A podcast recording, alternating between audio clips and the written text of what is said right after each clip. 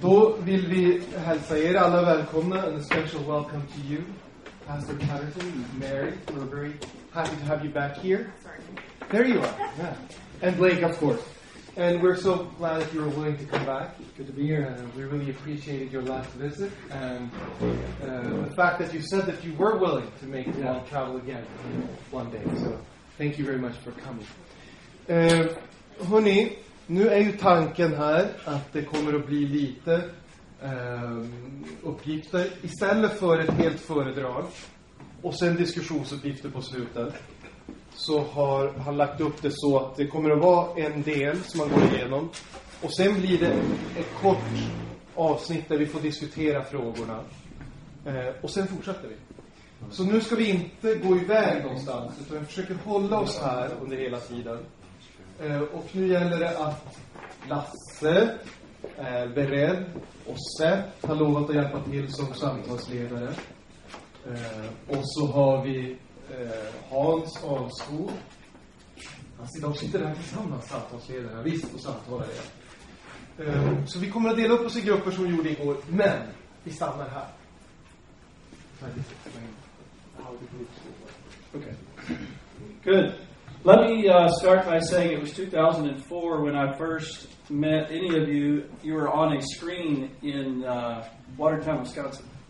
Så första gången jag träffade er, det var 2004 och då fick jag se på en bildskärm i Watertown i Wisconsin. John Vogt presented at the Senate convention where I was leading a Bible study, and I was sitting in the back on the wall. I was uh, on a chair along the wall, and I saw all these blonde-headed, blue-eyed little children in his presentation.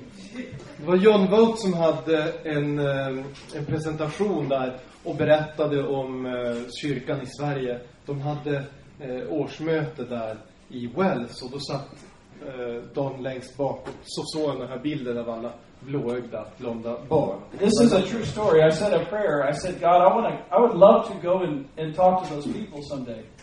Det här är faktiskt sant. Då bad jag en bön och så sa jag, Herre, jag skulle vilja eh, träffa dem och tala med dem någon dag. That day, I went to lunch for the Senate convention over in the cafeteria, and John Wilt sat next to me, and he said, "I." Uh, I he introduced himself and said, "I hear you do uh, family seminars."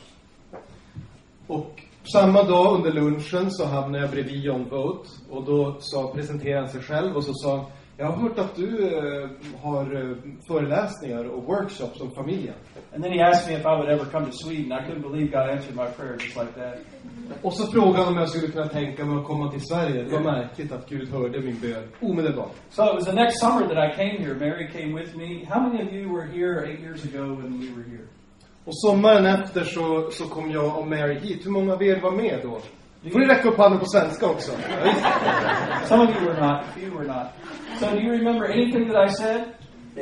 I don't remember, so I may be giving you some of the same stuff. Jo. Vi får se. En del av det här kan vara eh, repetition.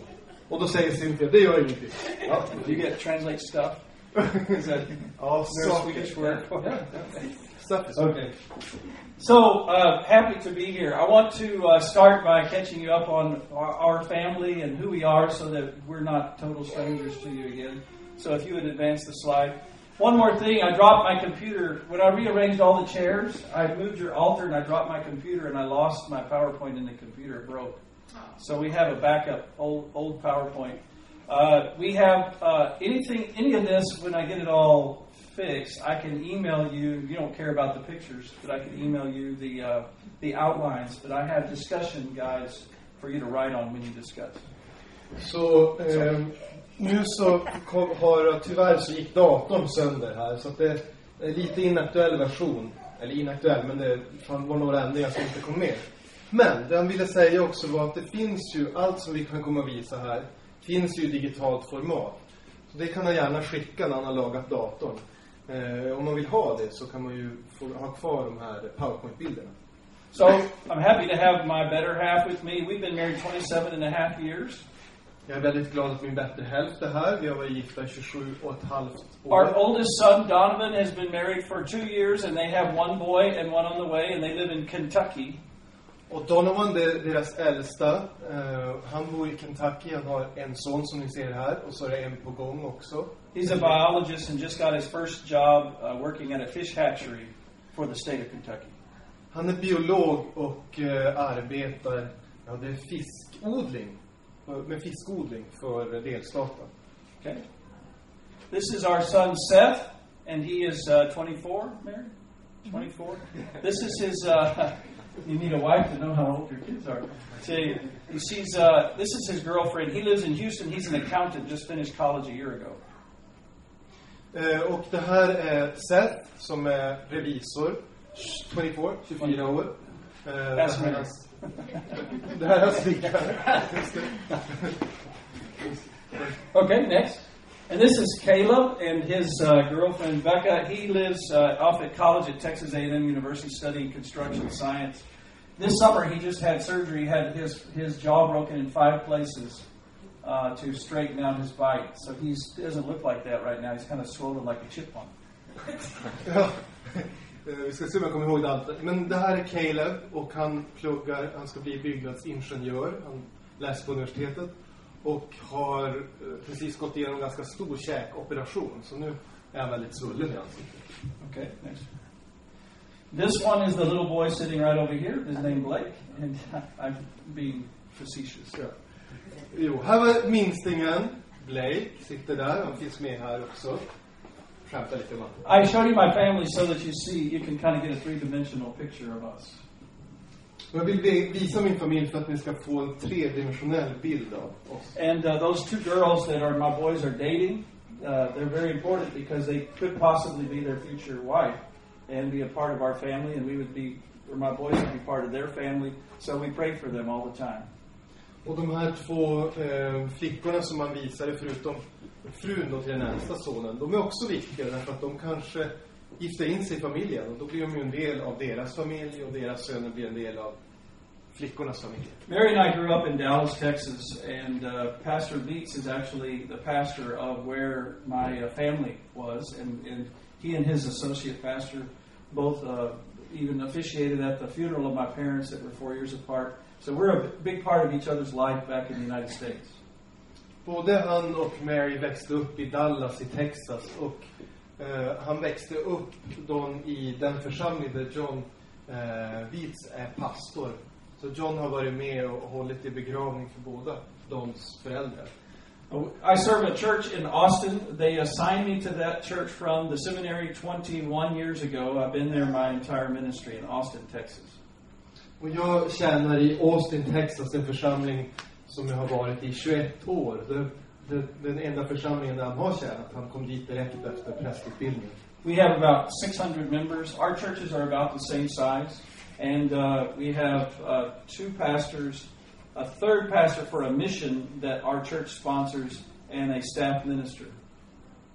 Eh, och det är ungefär 600 medlemmar i församlingen. Och det betyder att de är lika stora ungefär. Den församling där John är pastor och den församling där Don är pastor. Och så har ni en, eh, en evangelist. The, uh, the staff minister does many things, but one of them is he leads evangelism. That's right.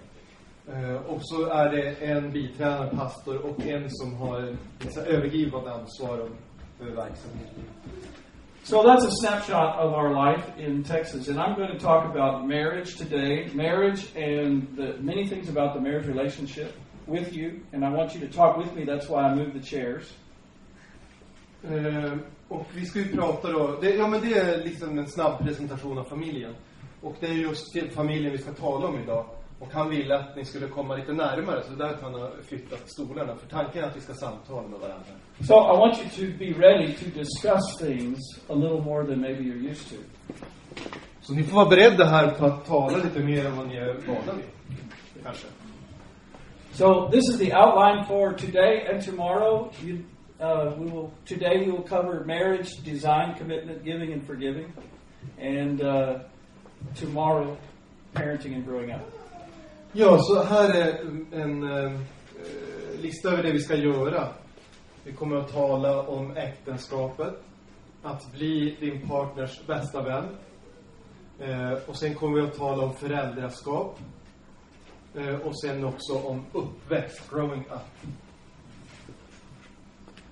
Okay, you ready? Är ni redo? Yeah. Let's go. Next one. Uh, this is a picture. You remember my son who was standing with his girlfriend on the uh, cliff over the river? This is a picture that she made him take. They just started dating. You can see her hand in his, and I thought, wow, what a great picture of what a marriage is supposed to be. Det här är en bild från samma ställe där eh, vi, vi får, såg en bild på paret. De tar, har, tog en annan bild också. Och det var den här. Han tyckte att det är en väldigt fin illustration av hur äktenskapet är tänkt att vara. In our, in our secular world, we're taught that marriage is something that gradually developed in society because people like order. I våra, våra sekulära samhällen så får vi ibland höra att äktenskapet är någonting som sakta utvecklades för att människor vill ha lite ordning och stabilitet. Nothing could be farther from the truth. Men inget kan vara längre från verkligheten. Marriage is God's invention. Det är Gud som har uppfunnit, kommit på äktenskapet. It was in his mind before he created anything. Man hade det i tanken innan han skapade något. Have you, have you ever wondered why there are not three genders? Har ni aldrig tänkt på varför det inte finns tre kön? Or maybe only one? Eller bara ett? As the Bible unfolds, there are many purposes God had for marriage that are not just about love and sex and children. Uh, utefter Bibelns historia så ser vi att äktenskapet har fler syften än kärlek och, och sex. To study marriage is to study God. När vi studerar äktenskapet så stu- studerar vi Gud. And that's why many people who have no faith in God are still experiencing much of what God wanted humanity to have silently. Och det är därför som många människor som inte känner till Gud ändå erfar och är med om många av de saker som Gud hade tänkt för människor. Because the same wonderful supernatural being that created the beautiful birds and the mountains and the lakes and all the things, like the swans I saw when I was out jogging this morning, he also created marriage to be something powerful and beautiful. Samma skapare som har skapat alla vackra djur, den vackra natur vi har runt oss, till och med svanen som jag såg i morse när jag var ute och joggade. Han har också skapat, instiftat äktenskapet. You do not have to raise your hand to interact with me, okay? We're a small group, so let's just talk. What is the summary of chapter 1 of the Bible?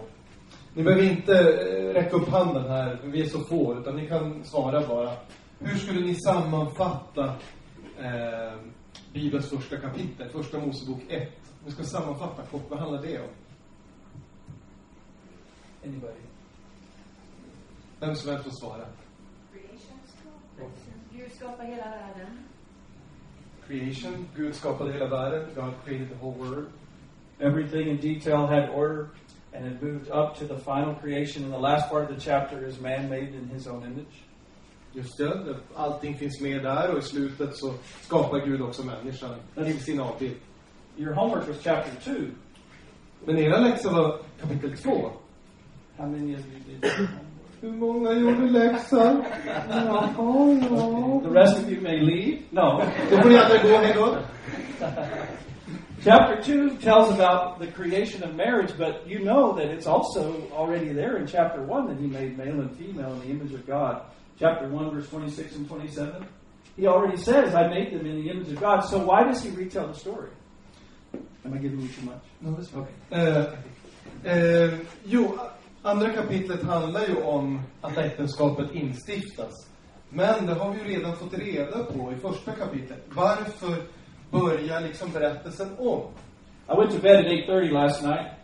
Jag gick och la mig halv nio igår kväll. My wife stayed up and visited with some of you for until 11.30. Och Mary var uppe sent och pratade och samtalade kanske till halv So this morning she's in the shower, you know, the little shower curtain in the rooms is not very thick. The door's cracked open and I'm trying to work on this thing that I lost in the computer. Så i morse när hon stod och duschade, då satt jag och på datorn och, och höll på med det som nu är förlorat. And she wa- and she wants to tell me about the conversations she had last night. Och då vill hon berätta om ett samtal hon hade igår kväll. I wanted to work on my assignment. Och jag ville jobba. But I stopped and listened and then I went to the doorway of the bathroom and she retold some of the story because I asked a couple of questions. Men sen så lämnade jag datorn och så gick jag till badrummet och stod och duschade och försökte lyssna mer uppmärksamt. För jag hade ställt några följdfrågor. So I asked you again, why did God retell the story in chapter 2?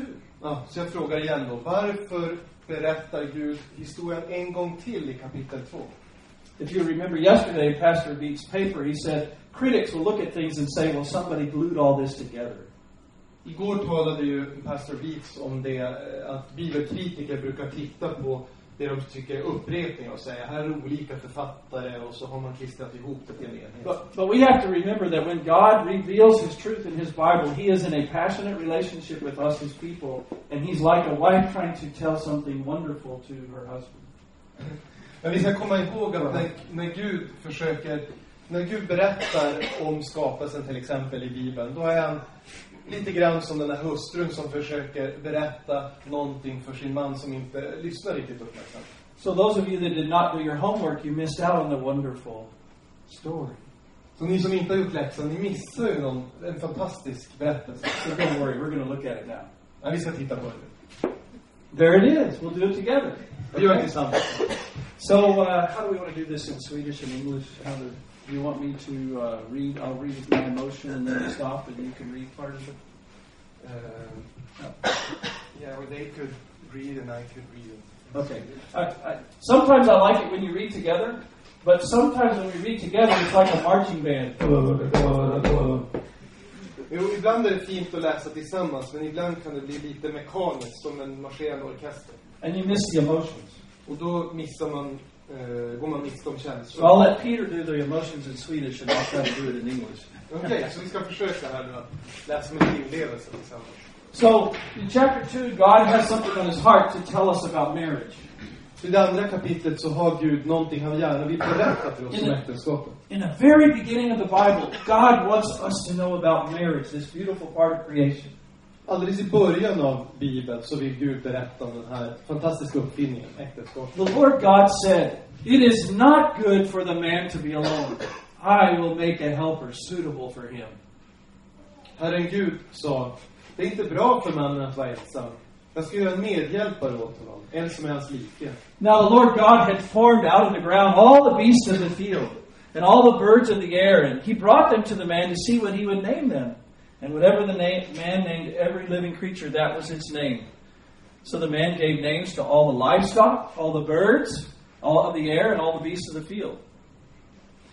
Herren Gud hade format alla markens djur och alla himlens fåglar av jord. Han förde fram dem till mannen för att se vad han skulle kalla dem. Så som mannen kallade varje levande varelse. Så skulle den heta. So far, I'm going to stop. So far, Och mannen gav namn åt alla boskapsdjur, åt himlens fåglar, åt alla markens vilda djur. Men åt mannen fanns ingen medhjälpare som var hans like. so far, God has God says it's not good for man to be alone, and He gives Adam an assignment to name the animals. But Adam does not know that it's not good for him to be alone. Så, så här långt så har Gud sett att det inte är bra för Adam att vara ensam. Så han gett Adam en uppgift, att han ska hitta namn till alla djuren. Men Adam verkar inte än ha tänkt på att det inte är bra för honom att vara ensam. So now you know why this time he was supposed to name the animals and not later. Och då förstår vi varför det var nu som han skulle hitta på namn åt djuren, inte vid ett senare tillfälle. He's supposed to discover. Tanken är att han själv ska inse. And he did. Och det gjorde han. But for Adam, no suitable helper was found. So the Lord God caused the man to fall into a deep sleep, and while he was sleeping, he took one of the man's ribs and he closed up the place with flesh. Then the Lord God made a woman from the rib he had taken out of the man, and he brought her to the man. Jag läste för långt förra gången. Men åt mannen fanns ingen medhjälpare som var hans like. Då lät Herren en- Gud en tung sömn falla över mannen. Och när han hade somnat tog han ut ett av hans revben och fyllde dess plats med kött. Och Herren Gud formade en kvinna av revbenen som han tagit av mannen och förde henne fram till honom. And the man said, Woo, baby! Ja, det är svåröversatt. Ni hörde här mannens reaktion alltså. That's, that's Texan for this is now. Så säger man i texten, så det betyder denna är nu. There's a emotion in even the, in the Hebrew in the word now. This now. Woo! Och även i hebreiskan finns den här känslan i nu. You see, if I let you read this as a group, it would have been flat. Ni förstår nu, om ni hade läst det här tillsammans, unisont, då hade det blivit mycket mer dämpat. This now is bone of my bone and flesh of my flesh. She will be called woman because she was taken out of man. Denna är nu ben av mina ben och kött av mitt kött. Hon ska heta kvinna, ty av man har hon tagits. For this reason, you could circle that, put an underline under it. For this reason. Därför, och det kan man både ringa in och stryka under. Därför. Here's the, this is God saying, this is why I told you behind the shower curtain the story again. Så här säger Gud, det var, här där, det var därför jag ville berätta den här historien.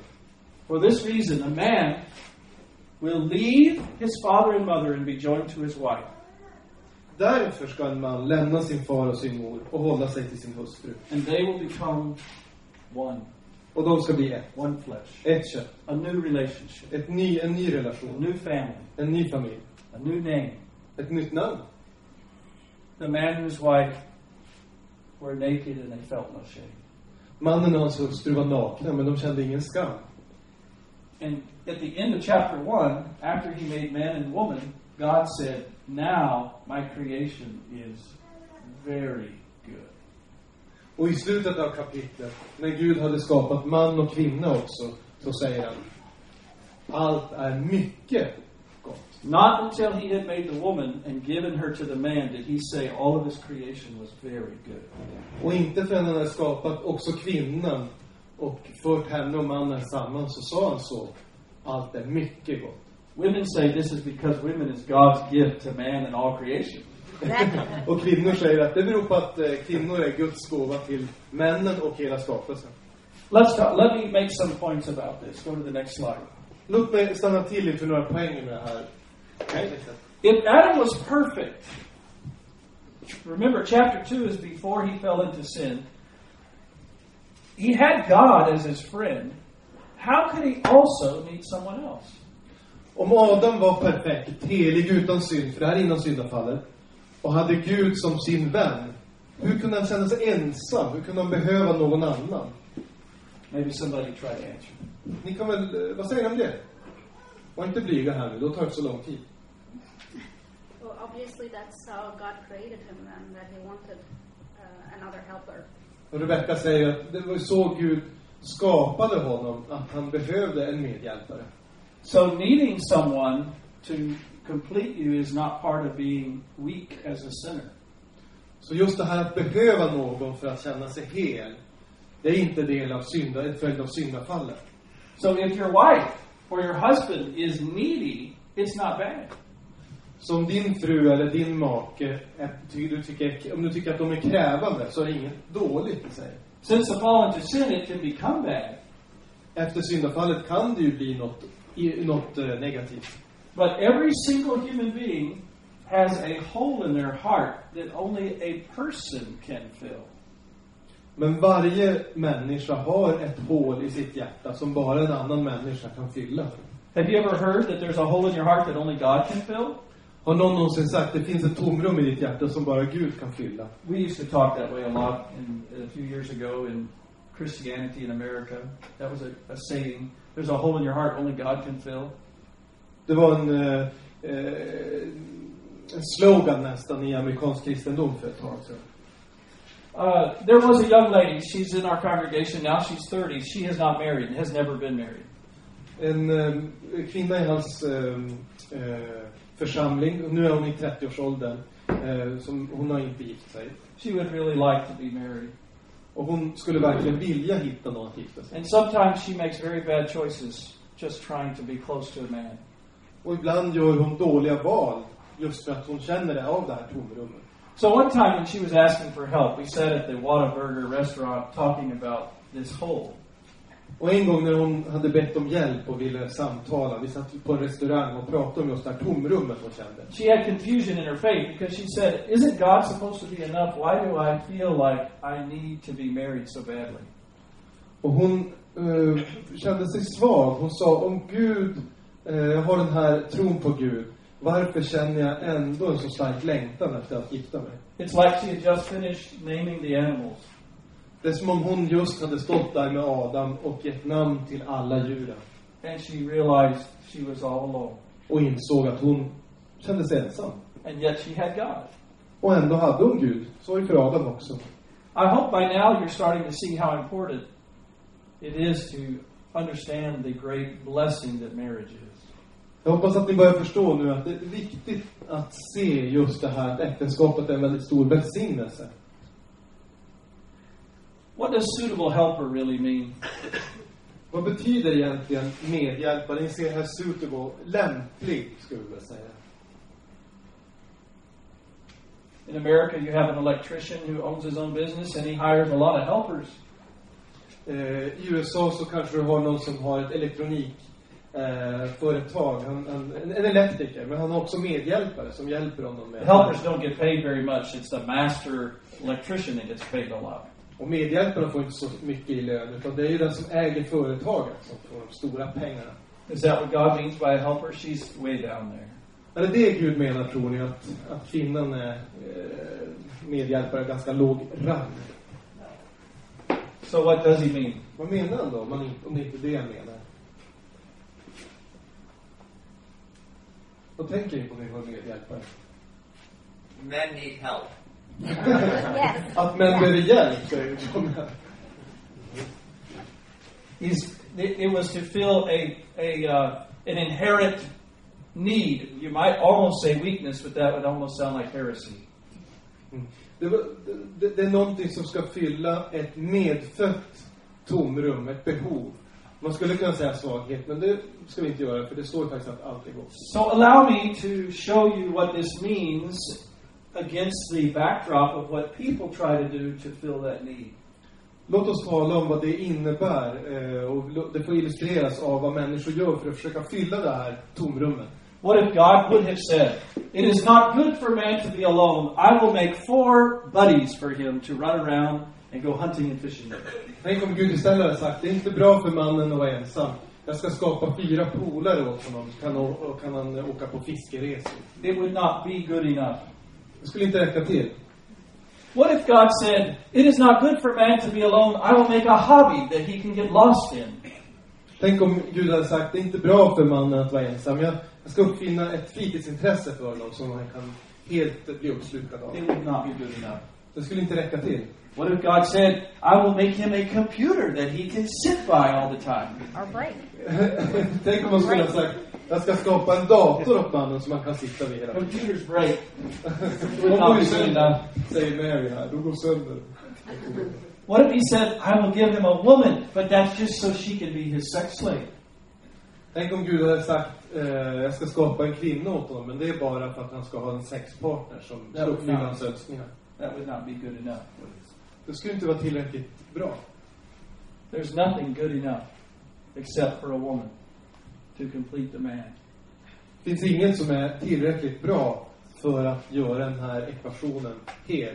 Now, to show you the cra- how crazy homosexuality is, För att visa att det är någonting snett, någonting galet med homosexualitet. what if God would have said, It is not good for man to be alone, I will make Steve instead of Eve? Tänk om Gud hade sagt, det är inte bra för mannen att vara ensam.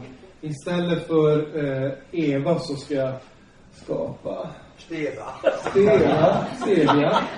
Ja, det var svårt. The problem with homosexuality is not first about sex, Problemet med homosexualitet, det är inte sexet i sig. it's about the, the heart of God and the design for a man and a woman to be completed. Utan det är att det går emot Guds plan att mannen och kvinnan ska göra varandra hela, komplettera varandra. And you remember that whenever you defend marriage.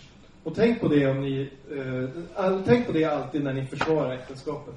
Why did God have Adam name all of the animals? Varför lät Gud Adam eh, namnge alla djuren? Why did he have to do it then, right then? Och varför fick han göra det just då? You can guess. There's no Bible passage that says this is why. Och det finns inget bibelställe som ger exakt rätt svar, så ni behöver inte vara rädda här. You can both see that he, uh, that Adam was a very intelligent person who um, understood God's creation in a way, and uh, also to help Adam find out that he needed somebody on his own level. Två saker egentligen. Alltså, dels att vi ser här att Adam är smart, intelligent. Han förstår Guds skapelse och kan namnge djuren. Men också det vi talade om tidigare. Alltså att han då inser, här är två av varje och jag är ensam. It is always better when you're learning something so important to learn it by experience and not just by book knowledge. Och ska man lära sig något riktigt viktigt så är det alltid bra att inte bara få lära sig det av någon annan, läsa om det, utan att få uppleva det. How many things has God taught you and you learned it better if He made you live through it instead of just telling it to you? Hur många saker i era liv kan ni se att Gud lärde er, inte bara genom att undervisa er i, i Bibeln, utan också genom att ni fick uppleva det? Vad Adam? Adam felt his need that he could have been told and known intellectually, but he felt it after he named all the animals. Gud kunde ha sagt åt Adam, du är ensam. Du behöver medhjälpare. Men Adam kände det själv efter att han namngett djuren. And this is one of the beautiful secrets about the marriage friendship. Och det är, nå- det är den vackra hemligheten vad det gäller vänskapen i äktenskap. I have a deep emotional uh, thank, step on your toe, uh, thanks and, and feeling of attachment to this woman. Jag, jag, jag kände en djup samhörighet med den här kvinnan. Because I was very lonely when I met her. För jag var väldigt ensam när jag träffade henne. And I'm not lonely anymore, some days. Jag är inte. Yeah. We'll talk, we're going to talk about that too. So- om det också. Okay, next one. Why didn't God make Eve from the ground? Again, you can guess because there's no passage that says why. Why? en, uh, oh, Go ahead. Instead of she made him from his wife.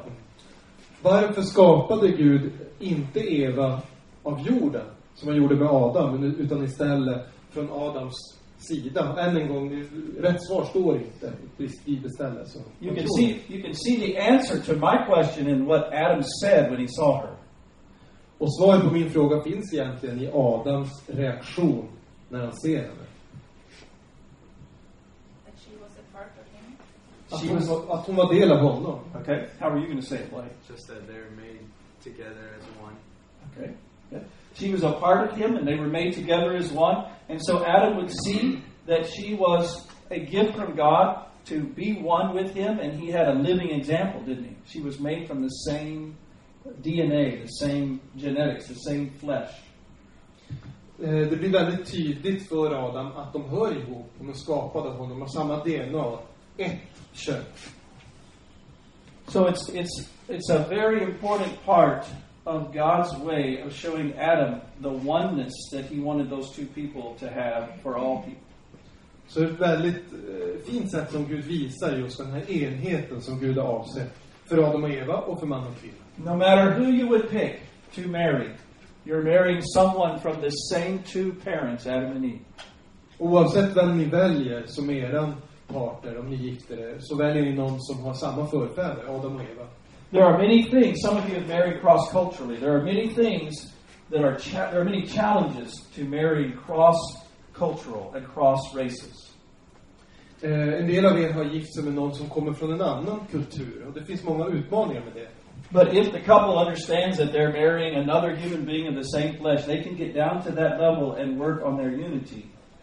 Men om man och kvinna kan inse det, att egentligen kommer vi från, och båda från Adam och Eva och hitta det, det man har gemensamt.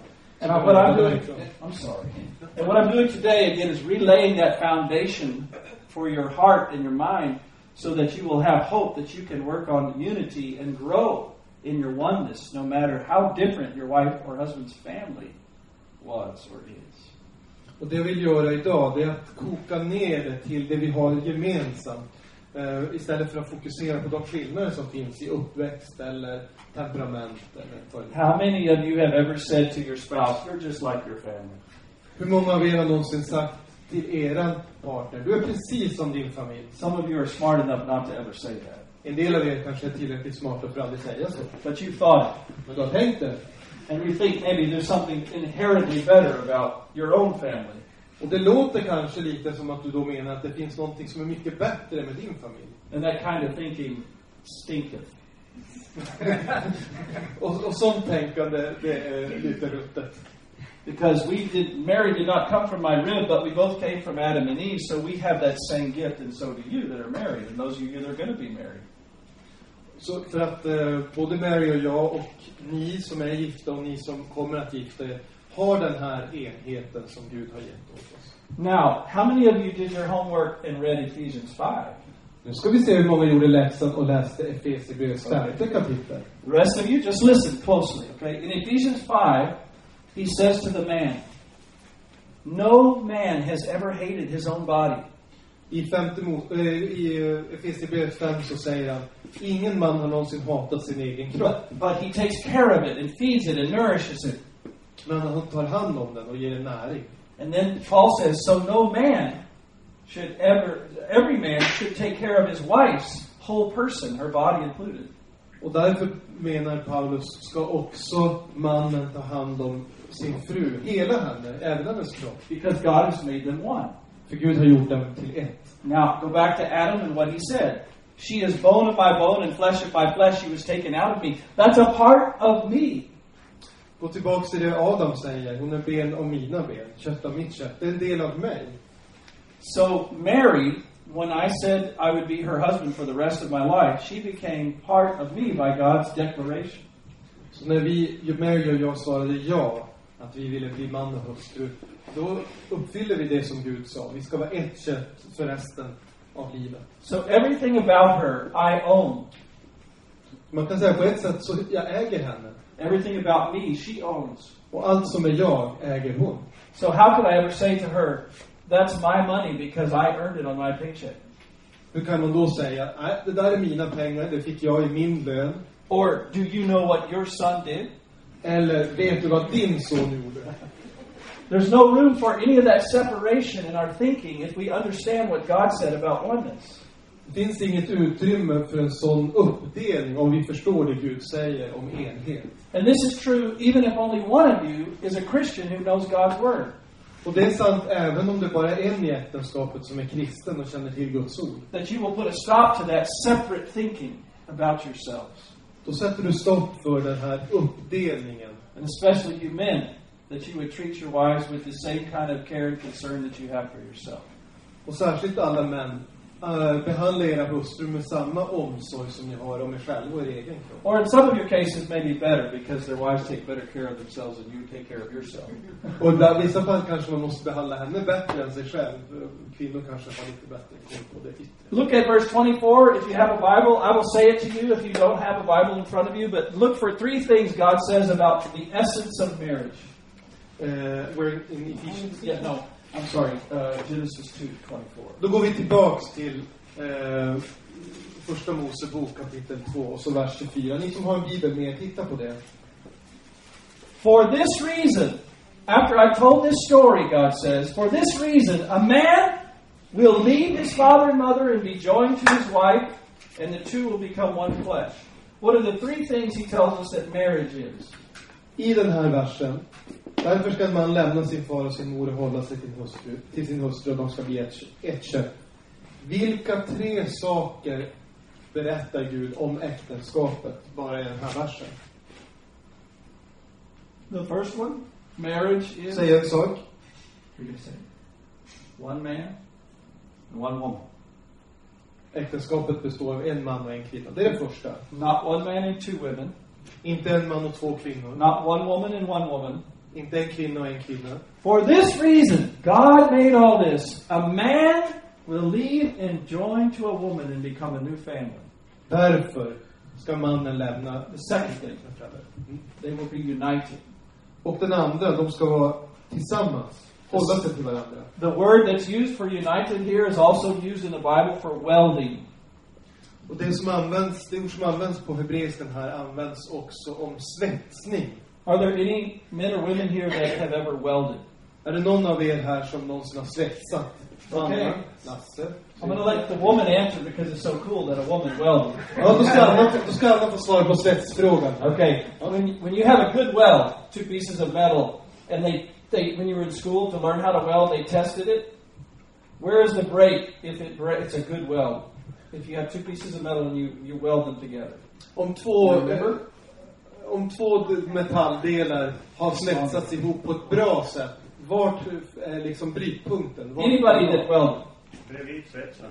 Uh, right next to the well. Yes, it'll break right next to the well. God says a man will leave his father and mother and be united to his wife, and they will be one flesh. You cannot break it without breaking it next to the well.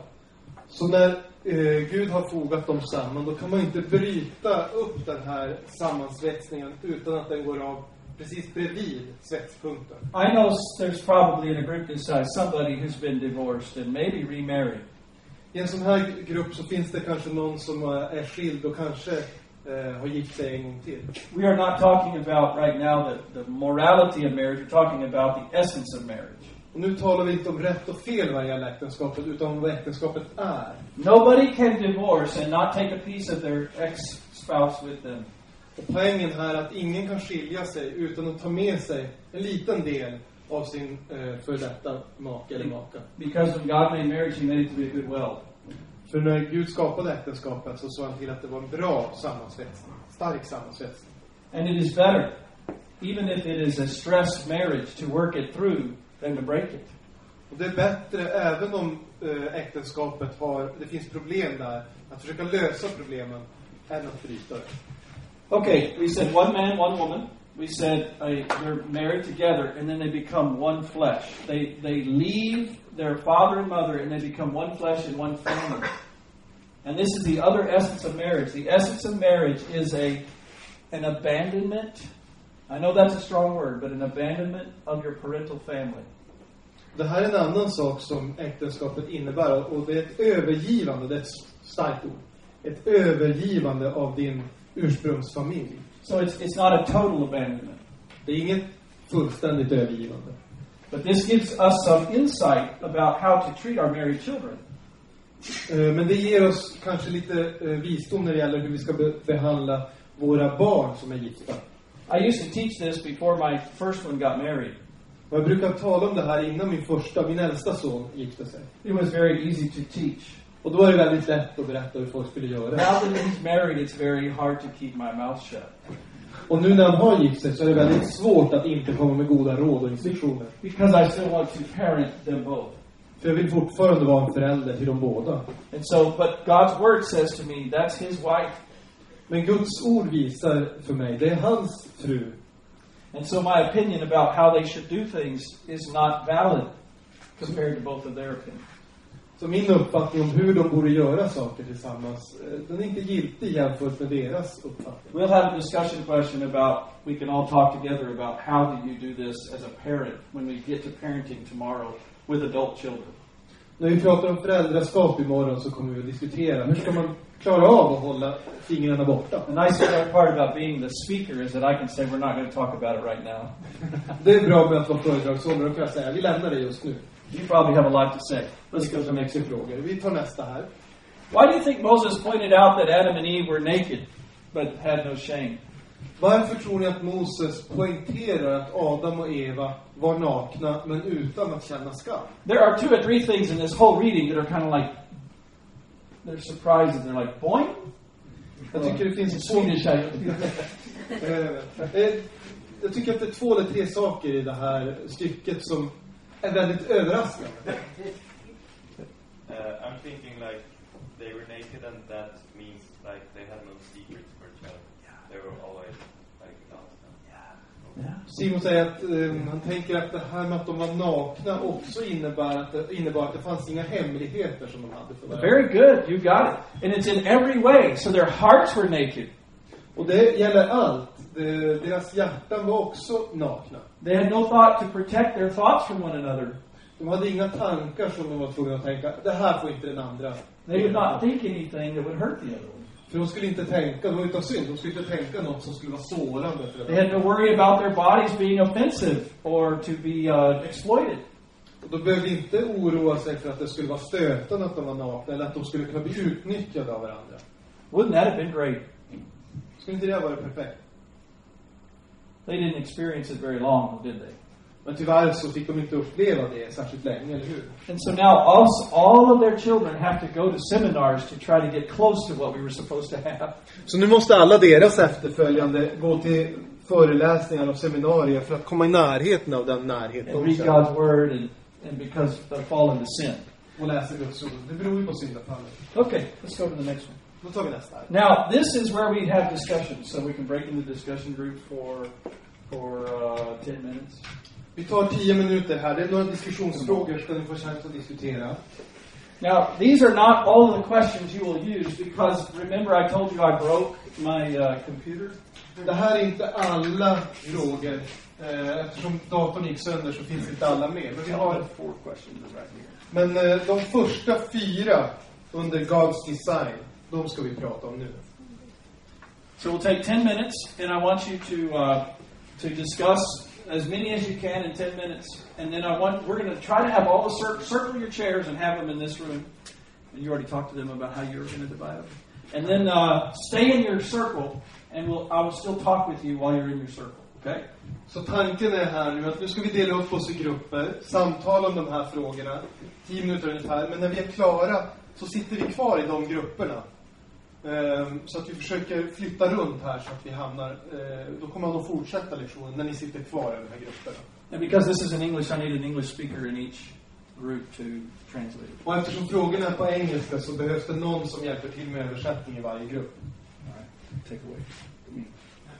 Okay, so let's let's. Uh, why don't you circle your groups and then we'll give you the sheets. Please, but uh, I guess you need Swedish to understand it. Could, could you say that again? Yes. you don't want a list of everything. the reporter. For, we're going to go through these four very quickly. Vi ska försöka gå igenom snabbt här frågorna. And so, for the first question, the reporter, who's the, has the longest hair on their arms, will tell us two interesting, important, insightful things they heard about something that made them close. Så nu första, behöver inte berätta allt som sades i gruppen. Välj ut två saker som ni tyckte var intressant som sades i era grupp. Och fråga ett här. Har ni mätt håret på armarna och kommit fram till vem som ska tala i? Jag tror här är illa till. Här ligger illa till. Ja, jag skulle ha rakat armarna. Ja.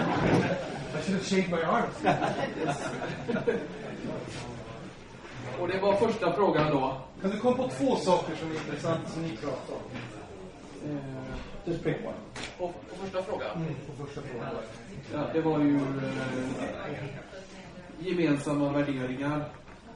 Eh, common values. Oh, good. Common values. Okay. That you want to do one more or not? Eh, ja, det pratades väl lite om Guds ledning också. Um, yeah, and, and they talked about also God's guidance. It's not by chance that Yeah. we met. But Okay, so their, their faith that God had brought them together in God's guidance. Okay, in this group. Eh, Någon sa att, eh, att den här som hon dejtade, det är bara kvinnor här. no, the bucket piece, there's only women in my group. And no, Yeah. somebody said the person I was dating. She was funny and uh, Funny. interest, interesting and so on. Okay, good, good, Helped a lot. Det hjälpte en hel del. great. We talked about it. Go back to that group. Who wins? Vunnit? Harry. No? Um, well, I, I- I think we were much like that group's comment that uh, the, the common faith, the importance of faith, uh, while they were still dating, uh, did a lot to bring them together, and, and uh, that they helped to fund the friendship. Lite grann som första gruppen talade om att närheten som skapades av att man trodde på Jesus båda två, det, det är banden tillsammans, förde närmare varandra. And then back in the dating group, what uh, what are you looking for that would make you feel close to a mate? Ja, här i ogifta gruppen här längst bak, inte alla som är ogifta, men alla här är ogifta. Då fick de frågan, vad letar jag efter eh, hos en framtida partner? Vad, vad är viktiga egenskaper? Vem var längst, arm på, längst hår på armarna här? Simon känns så hårig. Uh, okay, so we went with uh, forgiving and also good at listening. And I guess those kind of, you need both. You can't forgive without listening, first, I guess. But those, Very good. Those were the two things. The youngest people had the deepest answer on that one. Så någon som lyssnar och någon som är förlåtande. Det var viktiga egenskaper som de pratade om i ungdomsgruppen. Och Simon säger också att det hör ihop. Man kan inte förlåta om man inte lyssnar på vad andra säger först. You keep those two things and you'll go a long ways in your relationship. Och tänk på de två egenskaperna, då kommer man långt i ett, i ett förhållande. We're to skip number two and go to number three. Vi hoppar över tvåan, så går vi till trean. With, because I've been tell, talking about best friends today without using the word a lot. That when you're married, you marry your best friend and you become their best friend. That's what I meant by the heart. So, where do the same gender best friends fit into your life when you're married? Och fråga tre handlar ju om det här. Vi har pratat mycket om att, eller i alla fall en viktig del av äktenskapet är att vara bästisar, ett sånt svenskt ord. Bästisar. This one, any one person from each group, anyone can volunteer to answer. Nu kan vem som helst från gruppen här svara. Eh, vilken roll kan bästisar eh, ha i äktenskapet? Bästisar utanför äktenskapet då? Man har goda vänner. Don't make us wait. Vad, vad, sa ni på, vad svarade ni på trean? What about best friends? How do they fit into your life if your husband or your wife is your best friend? Hur, hur kan man ha andra bästisar eh, om ens eh, make eller maka ska vara ens bästis? man behöver andra vänner också, men man får inte låta dem... Eh, eh, det finns en risk om man har eh, för mycket förtrolighet med sina vänner. Man ska ju i första hand ha sin make eller maka då att gå till bekymmer och sådär. Uh, you need other friends as well, so that's not a problem in itself, but it can become a problem if that is the person who is the one that's closest to you and you kind of skip your mate and go straight to your best friend. No problems. Anybody else want to add to that? Är det någon av er andra som, som vill lägga till någonting? We, we said Carol? here that you should be careful not to, um, make sure you're not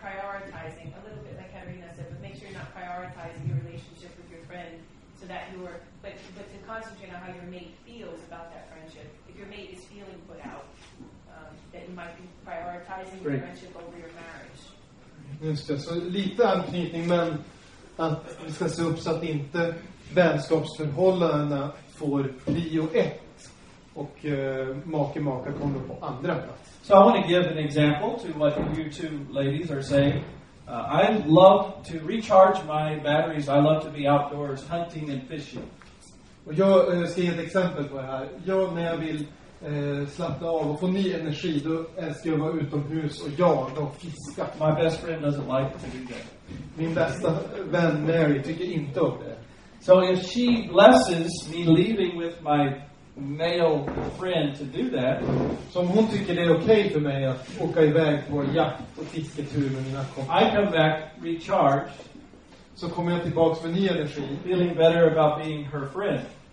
Och eh, en bättre kompis och mer nöjd med vårt förhållande. Mary lives in a house. Another example: Mary lives in a house with me and four boys growing up. Now there's only one left at home. Ett annat exempel, Mary har bott i ett hus med fyra söner och en make. We do not naturally think when she walks out in the morning to say, "Oh, what a beautiful dress." Det är inte alltid som vi inser behovet att på morgonen säga Åh, vilken fin klänning du har på dig. Your hair looks so cute. What did you do with it? Vad har du med håret? Det är jättefint. But we told you that yesterday. Helt fint.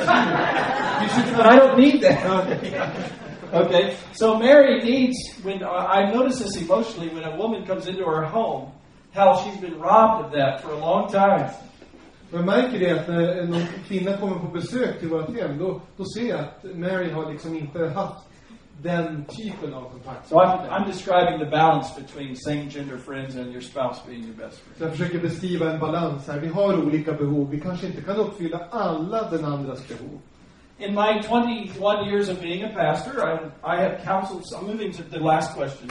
I've counseled some people who've had trouble with a person having a best friend of the opposite sex, not their spouse. Och nu går jag vidare till den sista frågan här, fjärde frågan. Eh, under mina 21 år som pastor så har jag ibland eh, väglett folk, samtalat med människor som har haft just problem eh, när det har funnits, det har blivit ett problem för att man har haft vänner av motsatt kön utanför äktenskapet. I've even had a wedding where the maid of honor was a man. Jag har till och med haft ett, eh, ett eh, bröllop där brudtärnan var en man. She said, He's my best friend outside of my husband. Och eh, bruden sa, jo men det här är min bästa, närmaste vän förutom min, min And, man. I, and I've had, hu- not that man, but I've had some uh, young husbands very nervous about the best friend. Och inte just den maken, men det var en del eh, män som har gift sig som har varit väldigt nervösa över eh, kvinnans killkompisar. säger. So I will say, just in case the younger group is having uh, a trouble organizing their thoughts about this, Så jag skulle vilja säga om, om eh, ungdomsgruppen här tycker det här är lite svårt att förhålla sig till. I want you people that are older than them, I didn't say you were old, Så skulle jag vilja att ni andra som är äldre än dem, och säger inte att ni är gamla. Tell us the things we need to be careful about. Berätta, vad ska man vara försiktig med vad det gäller att ha eh, nära vänner av motsatt kön när man är gift? If you have a very close friend, but you're married to this man or woman, but this close friend is the opposite sex, tell us some things to be careful about. Vad ska man... Kan du låta bli det så gör det. Ah. Abstain if you can. Don't do it. Don't do it. Det är ju risk för svartsjuka. There's a risk of jealousy. Risk of jealousy. Don't even go there, he said. Who else? Nobody has this problem. Well, if, if you're um, if you're talking about something or doing something with them, and you get embarrassed if your mate had been there and saw it, then it's probably wrong. You crossed the line. Cynthia säger att om man gör något tillsammans med sin, sina kompisar, eller i det här fallet en, en särskild då, nära kompis, som man känner det här önskar jag att min fru eller min man inte ska se. Då är det förmodligen något som är fel. Anybody else? Någon annan? There is a good book in America called Boundaries. It's the title of the book. A lot of people are struggling with boundaries and understanding that boundaries are healthy and good for a relationship. So it is it is not advisable to be that close to someone of the opposite sex while you are married because it is so difficult to maintain your balance and that's why you said just try not to do that if you can. It, if you are, this especially for anyone who's single, if you are really close friends with someone of the opposite sex and you start dating, if your dating relationship is going the way it should, your old best friend of the opposite sex should start feeling lonely for you. Nu ska vi tänka. Jo, eh, det finns en, en, en bra bok eh, på engelska som heter Gränsdragningar, tror jag en bättre översättning. Gränsdragningar, och det är viktigt med gränsdragningar. Och det han säger då, det är att eh, tänk på det ni som inte är gifta. Om man blir kär i någon och eh, börjar dejta, eh, blir ett par, då borde ens bästis, som man alltid var med innan, känna sig lite utanför. Now, it goes the same for if they're the same gender. There- There's not room for another person in that hole that God put for your spouse. There's not room for another person. There's room for another person in your life, but not a room for that person in that hole. So you have to realize that the decision to get married is under God to say, I will listen to my spouse's feelings about every other relationship I have. Och det, när vi pratar om att det finns ett tomrum i hjärtat eh, som bara maken eller maken kan fylla. Då Så- betyder det också att det ryms inte en tredje person där. Vi kan ha vänner i våra liv, självklart. Så- Men så- de ryms inte i det Sorry. tomrummet. Pause, I think you're done. Sorry. I'm done. Okay.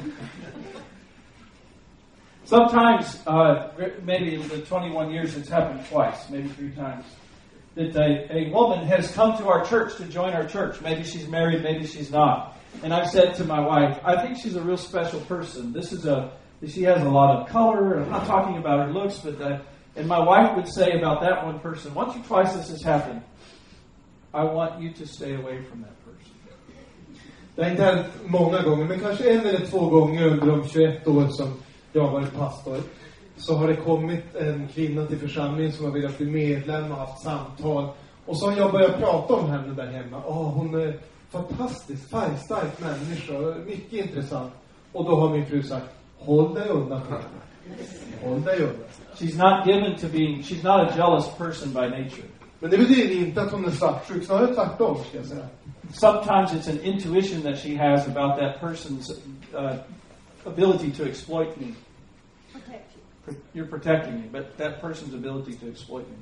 Och det behöver inte vara svartsjuka. Nu, ska vi, nu kommer det här något eh, smaskigt skop här sen. Men, eh, Johan säger här. Jo, att det behöver inte vara svartsjuka, utan att man tänker på den andra och äktenskapets bästa. But even before you let Robin talk, before but even if it's just because she's feeling nervous and should not, it doesn't matter. My job is not to evaluate her motives. Men även om det skulle vara så att eh, den här oron eller svartsjukan är oberättigad, även om jag vet att men det kommer inte att hända någonting, det är inget att vara orolig för, så ska jag respektera den andras känslor. Att det här inte känns bra för honom. eller My job is to honor her as the person that God chose for to fill that hole. It doesn't matter what her reasons are. För min uppgift är att hedra min make eller maka och respektera hans eller hennes känslor. You can let Robin talk now. Ja, nu ska vi höra här. Det här blir spännande. Very exciting. That's a pastor's I said, you said she owns you. She's protecting her property. Just det. Och de sa ju tidigare att man, när man gifter sig så äger man varandra. Då innebär det bara att frun i det här fallet eh, skyddar sin egendom.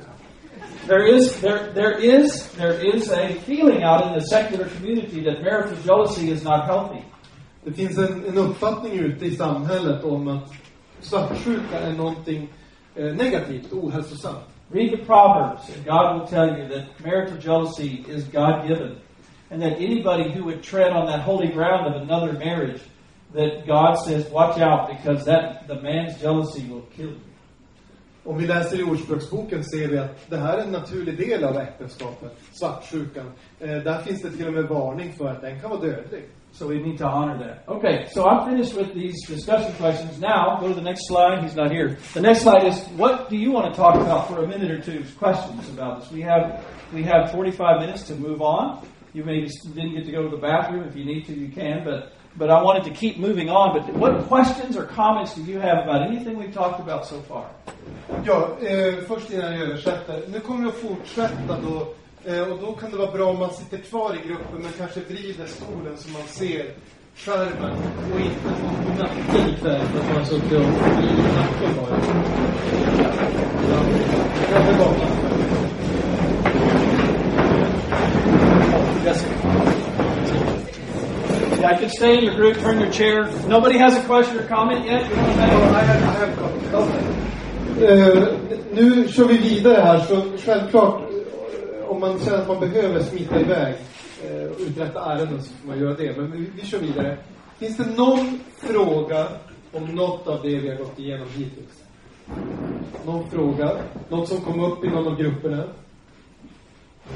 If you think of something, stop me like Robin did, and let's let's hear it. Okay? Men om ni kommer Kommer det, på... lägg- kommer det läggas ut på nätet det här? Uh, will we put it online or is it better to email it to people who are interested? The whole the whole outline, which whichever way you want. Gör vi ljudupptagning? Ja. Läggas ut på nätet?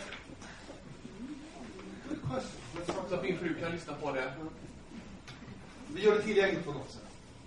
Jag tänkte på en sak med det här bostadslån. Jag är inte intresserad av att bli vän med, om en då, tillkompis inte är intresserad av att bli vän med ens man. Då kanske det inte är så aktuellt att vara So she's saying if um, her uh, male friend does not want to become my friend as well, maybe that's a sign that something is not right. Förlåt, förlåt. Vad var hennes tala på svenska? Ja, hon sa att eh, om, eh, säg att Kikki har en, en killkompis som inte är intresserad av att också bli min vän, så kanske är någonting skumt i Jörgen. Very good. So we will move through this one quicker because uh, it, I just want to, so we can make ground. I think this is a place where we can summarize. But Vi kommer gå lite fortare fram här, för det går att sammanfatta. Adam and Eve fell into sin. I saw some of your eyes moistening when I was talking about God's plan for marriage. Eh, Adam och Eva föll ju det syndafallet sen en till. Jag såg att en del av, blev, en del av er blev lite fuktiga i ögonen när jag pratade om eh, Guds plan med äktenskapet. I cannot read your heart, but there are two reasons why my eyes moisten when I talk about it. Och jag vet ju inte vad ni tänkte på, men det finns två anledningar till att jag blir berörd av det här. One reason is it's very beautiful, and, it's, and as a Christian, we love to hear about God's design for us. En är att det är väldigt vackert och det är så glädjande som kristna att få höra om Guds plan med våra liv. And, the, and at the very same time, there's a little sadness because it seems so hard to enjoy what He wanted us to have to that level.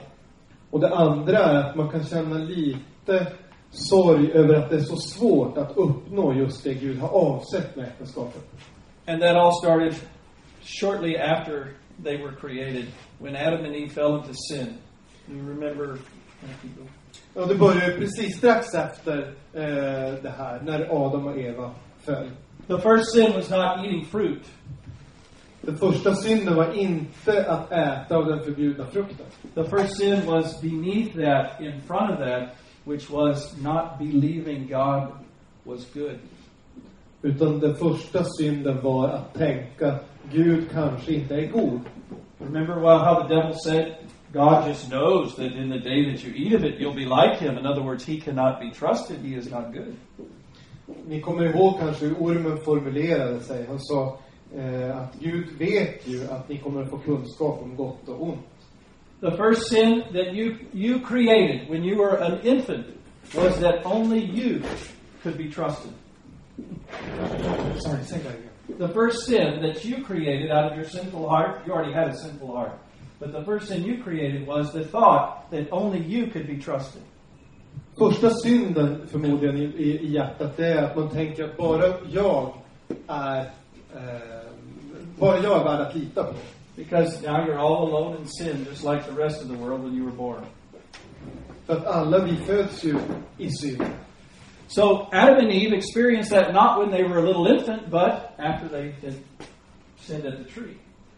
Och den här skilsmässan från Gud, den fick Adam och Eva vara med om, inte när de föddes i synd, utan när de syndade vid trädet. And what's so interesting about the Bible is when it's because it starts with marriage, you also see the effects of sin first in the relationship with God and marriage.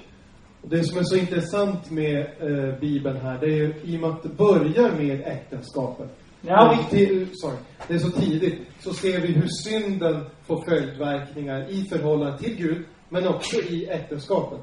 So this is a marriage class. So we're looking at this through the eyes of, of, of marriage. Okay? So Adam and Eve have this relationship with God and with each other, and it's stressed by sin.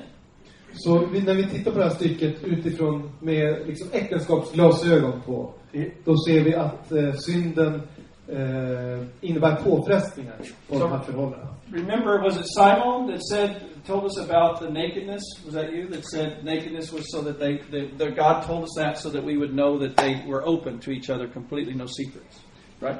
Simon pratade ju, nämnde ju tidigare att anledningen till att det nämns att de är nakna men utan skam inför varandra är att de är helt öppna med allting inför varandra.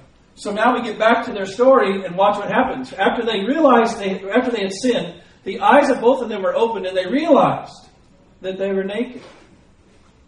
So they sewed fig leaves together and made coverings for their bodies. Och här i vers 7 så får ni höra att nu är det helt annorlunda.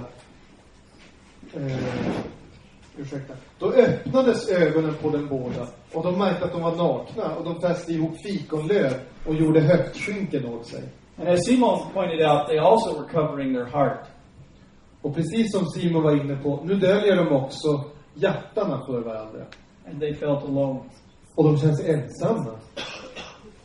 And that's the way every married couple feels a little bit every day. Och så känns det för alla gifta par lite grann varje dag. There is not one marriage Det finns inte ett enda äktenskap that is everything that God wanted it to be. som är precis och har allt som Gud önskade. There never will be until heaven, and we're not married there. Det kommer inte att finnas något heller. I himlen är allt perfekt, men där är vi inte gifta. So our our journey is to grow into the marriage as best and as far as we can, knowing that until heaven we will not fully be okay. Ehm, Så att den resan som vi, som vi gör i och med äktenskapet, det är en resa där vi försöker komma så nära idealet som vi kan, men medvetna om att vi aldrig når fram. So we see Adam and Eve in a ba- the first baby step of the journey of trying to have a happy marriage as sinners. Så nu får vi se hur Adam och Eva tar sina första eh, små steg för att bli lyckliga i äktenskapet, trots att de är syndare. So the man and the wife heard the sound of the Lord God as he was walking in the garden in the cool of the day, and they hid from the Lord God among the trees of the garden. But the Lord God called to the man, Where are you? De, eh, de gömmer sig här och så ropar Herren, han kallar på dem och säger, var är du? Kallar på mannen och säger, var är du? And the man said, I am hiding because I have guilt because I sinned. Och mannen säger, och det är inte exakt det det står, men det är det det betyder. Jag gömde mig för dig, därför att jag känner skuld. Jag syndat. Why didn't he say that? Varför sa han inte så istället? Because sinners have a hard time admitting the truth about themselves. För att syndare tycker det är svårt att erkänna sanningen om sig själva. Men have a hard time admitting that they neglect their wives. Män har svårt att erkänna att de eh, negligerar sina eh, fruar. Or that they whine too much when they're sick. Eller att de gnäller för mycket när de är sjuka. Or that they keep too much money for their themselves. Eller att de behåller för mycket pengar eh, åt sig själva. Or admitting that they admire other women. Eller medge att de eh, uppskattar eller um, beundrar andra kvinnor. Or admitting that it's wrong to be rude and crude. Eller att erkänna att det är fel att vara oförskämd.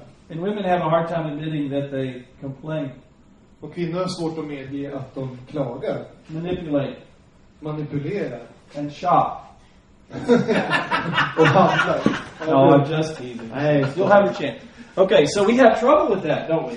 We have trouble admitting our, our motives beneath all this, that selfishness. Det är svårt för oss att erkänna att under det här ligger själviskhet. So he would not admit it to God what was going on. So what? Ooh, I put a footprint on this chair. Ja, så Adam vill inte Det här medge. Adam vill inte medge vad som egentligen är orsaken till att han gömmer sig. So where are you? And he says, I heard you in the garden and I was afraid because I was naked, so I hid. He confessed the symptom. Mm. Och Adam han erkänner symptomen här. Han säger, jag hörde ljudet av dig i lustgården och blev förskräckt eftersom jag är naken. God loves him. Gud älskar honom. I'm going to say it again. God loves Adam and Eve. Säg det en gång till. Gud älskar Adam och Eva. And so what God, in his justice, could have done was, I'll start over. Så Gud som är helig kunde ju ha mosat dem och sagt, jag gör ett nytt försök. But instead, as a good parent, he appeals to his conscience. Men som en god förälder så vill han istället, eh, eh, vill han istället vädja till deras samveten. Who told you that you were naked? Have you eaten from the tree that I commanded you not to eat from? Vem har berättat för dig att du är naken? Har du ätit av det träd som jag förbjöd dig att äta av? And Adam said, Yes, and I'm sorry, and I should have stopped my wife. Och eh, Adam säger, ja, jag är ledsen, jag borde ha hindrat min fru. No, he didn't say that, did he? Nej, det sa han inte.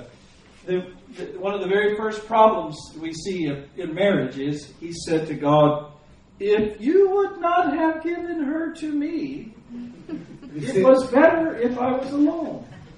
Vi ser här en av de vanligaste problemen i äktenskapet. Eh, Adam skyller ifrån sig, säger Kvinna som du har satt vid min sida, hon gav mig av trädet och jag åt. Det är ditt fel. A lot of people think that Adam blamed his wife. Adam blamed God. The woman you put here with me. Många tänker att, att Gud, eh, ursäkta, många tänker att Adam skyller på Eva här, men egentligen skyller han på Gud. Remember Kvinna what I- som du har satt vid min sida. Sorry. Remember what I said the first sin was? Kommer ni ihåg vad jag sa den första synden var? Believing God is not good. Att tänka att Gud inte är god. Have you on any, about anything in your life, in your heart, said to God, I think you made a mistake? Finns det någonting som har hänt i era liv då ni har tänkt tanken, Gud, här har du nu gjort ett misstag? Some of you that have been married know that in the first months or years you thought, maybe I made a mistake. Och en del som er som är, som är gifta kanske de första månaderna tänkt, jag kanske har gjort ett misstag. So every marriage, including Adam and Eve's, has those feelings. Och de känslorna finns i alla äktenskap, även Adam och Evas. And we have to learn to make the journey and grow closer together to experience that oneness. It's always just a little bit apart. Mm. Och vi måste lära oss att ta de här små stegen på vägen mot den där enheten som är så svår att uppnå. And then you have old friends pulling you apart. Det kanske finns gamla vänner som drar er isär. Your own heart is pulling you apart. Ert eget hjärta drar er åt motsatta håll. The devil is pulling you apart. Djävulen försöker dra er isär. The internet is pulling you apart. Internet är något som drar er isär kanske. Commercials are pulling you apart. Reklam. Your, your university pulls you apart. Universitetsstudier kanske And drar åt olika håll. Beautiful institution that is supposed to mean so much is so hard to maintain. Och den här vackra eh, eh, saken som Gud har instiftat är så svår att upprätthålla. So it's hard because we're sinners. Go to the next one. Eh, det är svårt att ha eh, ett helgat äktenskap för att vi är syndare. The first ways that it affected the first couple was that they hid from each other and they blamed each other instead of admitting their own problems.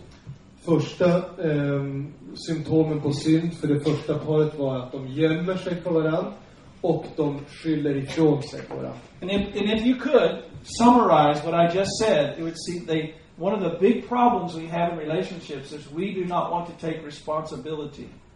Och om man ska summera allt det här, sammanfatta allt det här så kan man säga ett av de största problemen i mänskliga relationer är att vi vill inte medge vår egen del i de problem som finns. And all of you young people in the back, I want you to pay real close attention because the very last day, the very last slide goes with this. Och nu vill jag att ni som är unga här tänker på det här. Den sista eh, powerpoint-bilden, sista dagen, kommer att återkomma till detta. Being grown up is taking responsibility for yourself. Att vara vuxen, det innebär att man tar ansvar för sig själv och sina handlingar. That's a simple definition of what it means to be grown up. Det är en enkel definition av vad, vad det betyder att vara vuxen. There are many more things to say about it, but being grown up is being taking responsibility for yourself. Eh, och det finns mycket annat man kan säga, men en kort sammanfattning. Att vara vuxen är att ta ansvar för sig själv. And Adam's view of God was that he was not good enough for him. Why is the blame game so unfruitful? Maybe you can help us now. Why is the blame game so unfruitful? Varför är det så fruktlöst? Det saknar nytta att skylla ifrån sig på varandra, eller skylla på varandra kan vi säga istället. Varför är det så meningslöst att börja, ja men det är nog ditt fel det här. Nej, jag tycker jag är ditt fel. Pastor B. You lose even when you win. Även om du vinner så har du förlorat. Yeah, if you want to win every argument by making sure the other person knows that they're at fault, you have just made a loser out of your mate. Om ni lyckas argumentera så väl att ni vinner varje diskussion, ja men då har eh, din partner, då känner din partner sig som en förlorare. I want you to picture this. Whenever there's stress in a marriage and a relationship because there's somebody is, needs to take responsibility, Jag tänker dig så här, varje gång som äktenskapet eh, sätts under press för att någon eh, inte kan eh, erkänna sitt, sina fel. almost always two people, both people have to take some responsibility. Det är nästan alltid så att båda, när man står inför ett problem, måste ta på sig del av ansvaret och dela skulden. Uh, use this. Okay. Come on up. I know. I didn't tell you you were going to do this. Okay. So, uh, this is the fires of judgment. Här är eh, domens eldar, ställer vi Yeah, här. you're in the hell. Ja. Mary and I have a problem. Mary och jag har ett problem här. She's a bad wife. Hon är en dålig fru. So I'm telling her she's a bad wife because she doesn't da da da da da da da, right? That means we're going down this path. Jag säger till henne, du är en dålig fru, för du gör inte det här, Wrong. du gör inte det Wrong, här. right? Och titta vart vi är på väg. You don't hear any sound of forgiveness. And remember earlier, one of the, I think the, the youth was telling us, they talked about listening and forgiveness, making a, a relationship stable. So, Nu när vi skyller på varandra här, så då hör ni ingenting om förlåtelse. Vi pratade ju tidigare om att det var så viktigt. so when you have a problem, you have to decide, are we going toward forgiveness or are we going toward judgment?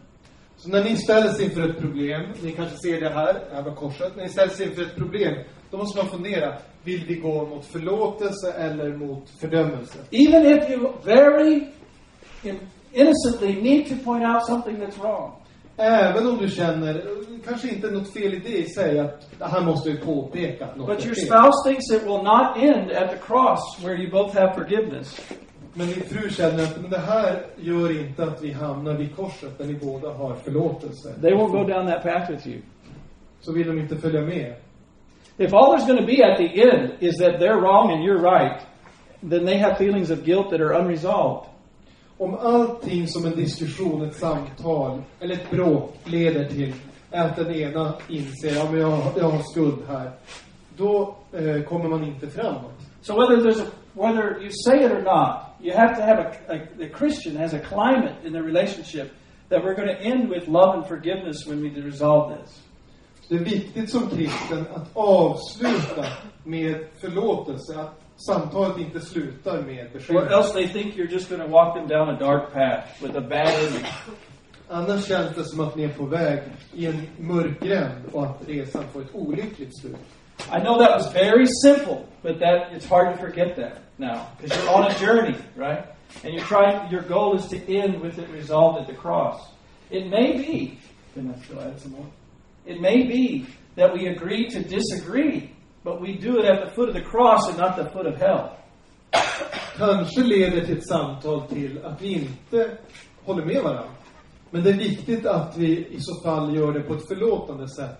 Så att vi inte gör det på ett fördömande sätt. Uh, go back to the garden with Adam and Eve, and God is standing there over them. Vi återvänder till Edens lustgård med Adam och Eva och Gud som står framför dem. You remember what the woman said after Adam blamed the God and her? Kommer ni ihåg vad kvinnan sa efter att Adam hade skyllt på henne och på Gud? She told the truth, but not she did not blame Adam. She said the devil deceived me and I ate from the fruit. Hon berättade sanningen och skyllde inte på Adam utan hon sa att hon blev förledd av ormen. What did God say to the devil? Vad sa Gud till ormen? He said, I will send Jesus that will fix all of this. Han sa, jag ska sända Jesus och han kommer att ta hand om det här problemet. Jesus is the answer to every marriage divide. Och Jesus är också svaret och lösningen på alla problem som man har i äktenskapet. Because he restores the hearts even if the people cannot agree on everything. Därför att han kan upprätta hjärtana även om människorna i fråga inte håller med varandra om allting. So the first thing he did with Mary, picture Mary up here with me, and I'm Adam. Okay, the first thing he did is he became my savior. So I meant, go ahead. Det första Jesus gjorde, det var att han blev min frälsare. Now I can admit my faults because I know I'm forgiven by God. Och då kan jag faktiskt medge att jag har gjort fel eftersom jag vet att jag har förlåtelse hos Gud. Even if Mary one day wants to take me down the hall of judgment, Även om min fru är arg på mig och vill dra med mig mot fördömelsen. I will say to her, I'm listening. That's what you said. Listen. I'm listening. Så säger jag till henne, ja men jag hör vad du säger. But I'll do it from over here. Men jag håller mig här när jag lyssnar. Because I'm, I'm right with God. I'm forgiven. He's restored me. För att jag har frid med Gud och han har upp- återupprättat mig. This is what I'm, this is how I'm answering that last question, how Jesus restores our relationship to God and to each other. This is 1 John 3 8. Det är första Johannes 3.8. Det är så jag svarar på den här frågan. Hur kan Jesus upprätta vårt förhållande till Gud och till vår make? The reason that God sent his son was to destroy the work of the devil, which was separating everyone. Anledningen till att Gud sände Jesus var att förstöra djävulens verk som drog folk isär från varandra och bort från Gud. I was going to say, why don't you use an example? I mean, you talked about it, but use a living example of maybe an argument to resolve. You give me a detail? You didn't tell me. Pardon? Was on the schedule, I didn't tell you what you were on the schedule? or something was on the schedule. Oh, okay. Så Mary säger, vi kan ta ett exempel. Vad skulle kunna vara ett sånt här bråk eller en sån här eh, konflikt? Invited somebody We're- over. Okay. We're going to do conflict resolution in just a little Oh. bit. Can I hold it? Okay. Vi, vi väntar med det. Hur ska man hantera konflikter? Vi väntar med det lite senare. Okay, go to the next. Discussion questions. Go ahead, put them all up there. These are the correct ones. I got. I I was able to get my correct PowerPoint out of there, so these are correct. So.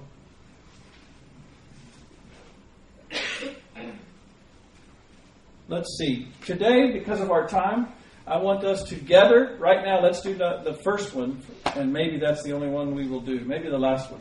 Why is it important that you maintain your relationship so that no one knows your spouse better than you?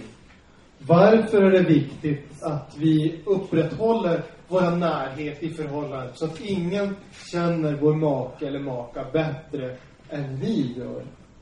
Så att vi känner dem bäst. Varför är det viktigt att upprätthålla förhållandet på det sättet?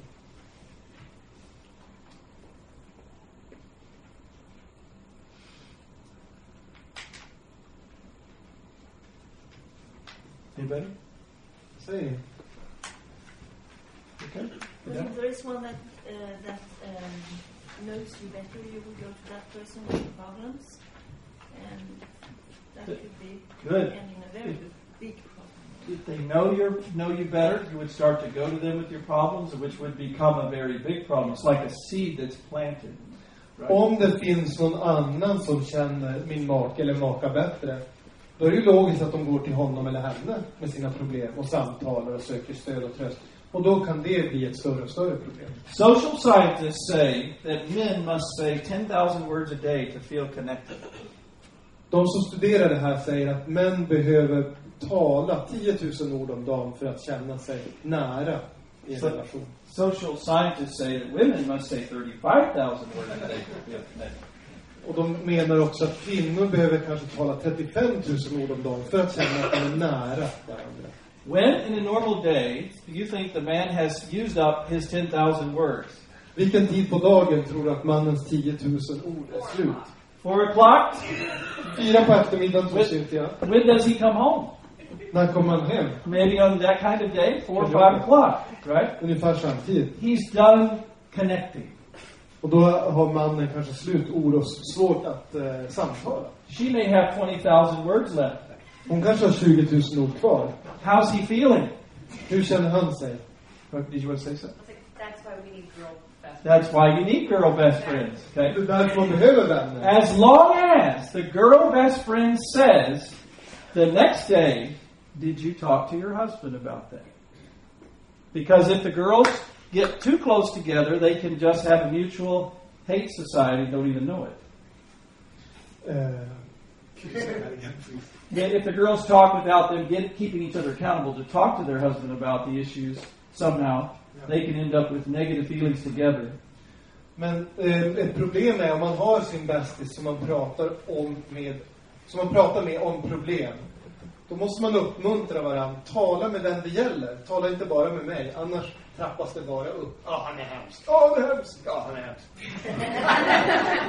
But some, you know, some of it's not griping, is it? Some of it's just talking, right? And they're just sharing, and that's a really good thing. But I want to go back to husbands and not let them off the hook. Nu ska vi eh, gå tillbaka till män här. Yeah, sometimes women do need to just talk about anything and everything and not if they're not complaining. Men det behöver inte alltid vara klagomål, utan det kan ju vara bara ett behov av att prata. And so they need girlfriends. Och därför kan det vara viktigt med andra vänner. But I don't want to let the husbands off the hook. Ah, men männen ska inte komma undan här. So, this is what I say to myself when my wife is using her 20,000 words on me. Så här tänker jag när min fru använder sina 20 000 ord med mig. I'm glad. This is what I say to myself. I'm glad she's not talking to some other man about this. Jag är glad att hon inte pratar med någon annan man om det här. And so I will try to be there for her and listen. Jag ska försöka lyssna. And that's why sometimes, because she'll tell you I'm not that great at it, därför så kan det ibland vara så, för hon skulle säga också till er att jag inte är jättebra på det här. I stand in the bathroom door and listen Så står jag i badrumsdörren och lyssnar. when I really want to be in my truck going down the road to work, Trots att jag egentligen vill sitta i bilen och vara på till jobbet. whatever.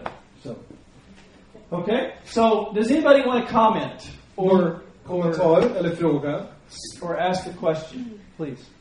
Fru genomskådar om du inte är närvarande när du lyssnar. Mm. If you are just pretending to listen, the woman will notice, the wife will know. No. right. So it's real listening. But I have to talk to myself to teach myself, and that's in, coming up is where I talk about leading your heart instead of following it. I have to teach myself this is a good thing that I listen. But it's not just faking it, is it? That's not healthy. Som Linda säger, det duger inte att låtsas lyssna. Man måste lyssna på riktigt. Can you tell about what you do to break me of that? Okay, let me let me set it up. Men det, men det kan vara en process, någonting man måste träna på. Att lyssna medvetet och uppmärksamt. If you have not discovered, my wife is very playful. Eh, ni kanske inte har märkt det, men min, min fru är väldigt lekfull. So in training her husband, she has playful ways of breaking me of the habit of faking it.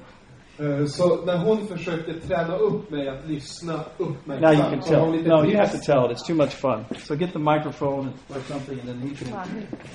Okay. When I know he's not listening, I'll just kind of continue on the conversation and I'll say, Oh, by the way, I maxed out the credit card. I'm leaving you for another man and I wrecked the car.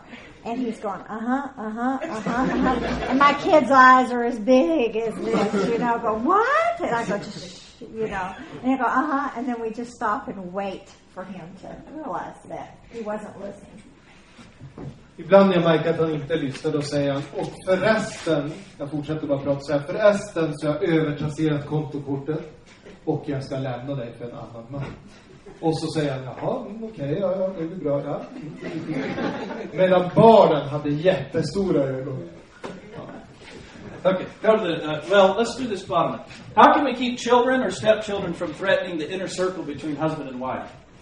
Hur kan vi, hur kan vi förhindra att barn eh, och styvbarn eh, hotar den här närheten som man och hustru har med varandra?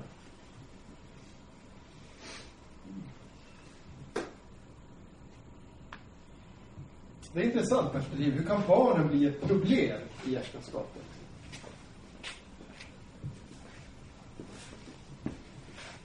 give you some examples. My, my, uh, we brought our son with us on this trip.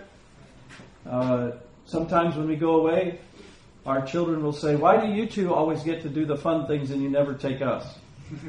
Nu fick ju uh, vår yngsta son följa med den här gången. Men ibland när vi åker någonstans så säger våra barn Varför får ni alltid göra allt roligt? Varför får inte vi följa med? First of all, it's not true when we say never. Och först av allt, eh, för det första så är det inte sant. Det är inte sant aldrig förstås. Do you remember what I tell you, Blake? Kommer du ihåg vad jag brukar säga? Lite utpekande här. When you get married, you can take your wife to fun places by yourself too. När du gifter dig så kan du ta med din fru. Or do you want to take your dad when you do that? Eller ska du ta med pappa kanske? We, uh, I will not let them get between us that way, right? Jag vill inte att de ska komma emellan oss på det sättet. The best gift you can give your children is a happy marriage. It's not money. I mean, outside of Jesus is the best gift, but outside of money and all all those things, Jesus, uh, giving them a happy marriage, and I'm modeling for them to make their wife special and make her the most important person in their life. When when I defend that, uh, it happens also though in harder situations when. Oh yeah, like- I forgot. You're all looking at me so beautifully. Jo, eh, förutom förlåtelsen i Jesus så är den bästa gåva en förälder kan ge sina barn ett lyckligt, lyckligt äktenskap. Så att om man känner sådär, åh, kan vi lämna eh, bort barnen, det kanske är dumt mot dem. Tänk istället så att vi är lyckliga och är nära varandra. Det är det viktigaste eh, för dem. Okay, now I forgot what I was going to say. Yeah. That's good though. Uh, you said an even, even worse example, I think you said. Yeah. Okay. What were you going to say? Well, when when the children want to do something and they want to play the parents against one another, right? Because they want to do something. What were you going to say? That's what I was going to say. Okay, that can be a problem. Och ett annat problem, det kan vara att barnen vill ha någonting eller göra någonting och så försöker de spela ut föräldrarna mot varandra. So sometimes this happens to you. Sometimes the children come to me and say, "Can I go?" And I don't want to deal with it. Ibland, det här kanske har hänt er också, säger, förä- säger barnen kanske till mig. Ja, jag vill åka iväg och göra det och det. Och så känner jag, ja men det här vill inte ta Because because sometimes when I say yes, my wife says you should have said no. För ibland när jag säger, ja visst det kan du göra, så säger min fru, det borde du ha sagt nej till. So I'll just say, "Go ask your mother," Då säger jag, gå och fråga mamma. because she doesn't want to deal with it either. Men hon kanske inte heller vill fatta beslutet. Because sometimes when she wants to say yes, I say you should have said no. Därför att ibland när hon säger ja så säger jag, du borde ha sagt nej. So they, she says, go ask your father. Så säger hon, gå och fråga pappa. Okay, so uh, sometimes the child will say, Dad, I'm coming to ask you, Mom, but Dad already said it was okay. Så ibland kanske barnen listar ut det där och så säger mamma nu ska jag fråga dig, men pappa säger att det är okej. And Mary will come to me and say, Why didn't you talk to me first?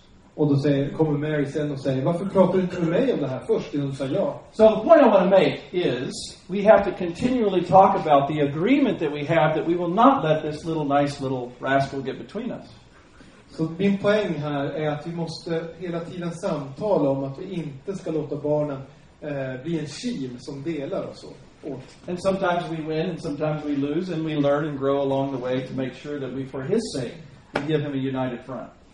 Och ibland så går det bra, ibland går det mindre bra. Men vi försöker hela tiden bli bättre på att vara eniga i vårt föräldraskap. And I'm just trying to save time because this is a fun one to discuss. But I want to say that when it all comes down to it, it's finally the man's job to not give it up to his wife and make her make the decision. Och här är det viktigt, vi skulle kunna samtala om det här jättelänge. Men det är viktigt att mannen tar sitt ansvar och inte backar och säger, det där får frun bestämma. So if we're both saying, you take care of it, I have to say, okay, I'll take care of it. Och som båda säger, nej men jag vill inte fatta beslut. Då är det faktiskt upp till mannen att säga, jag måste fatta ett beslut. Because that's what it means to be a man. And men, you will rob your wives of the gift God wanted them to have and your strength if you will not take that job. Och när mannen i hans ledarroll måste acceptera den rollen. Annars så får inte frun, kvinnan, det stöd som Gud hade tänkt att hon skulle få. Remember when you were dating and you wanted her to be that damsel in distress and you wanted to rescue her from the tower? Kommer du ihåg när ni eh, först träffades och du ville vara hjälten och, och riddaren i skinande vit rustning? She's in the tower every day. hon, hon behöver räddas varje dag. And your job is to rescue her. Och ditt uppdrag är att rädda henne. I'm just asking you women sometimes come down out of the tower. Men jag, bara, jag vill be bara er kvinnor, ibland kanske ni kan rädda er själva. Okay, we are close to the end. We have a few more minutes. Let's go to another one. Några minuter kvar. Any comments or questions?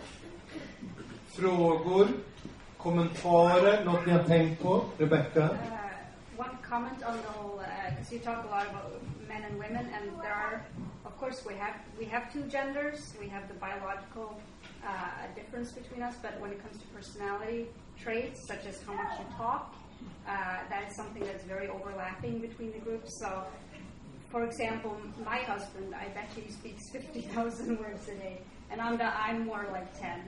Uh, so, so you have always the exceptions to the rules, even if in general maybe it's more common for the the women to want to talk more than men.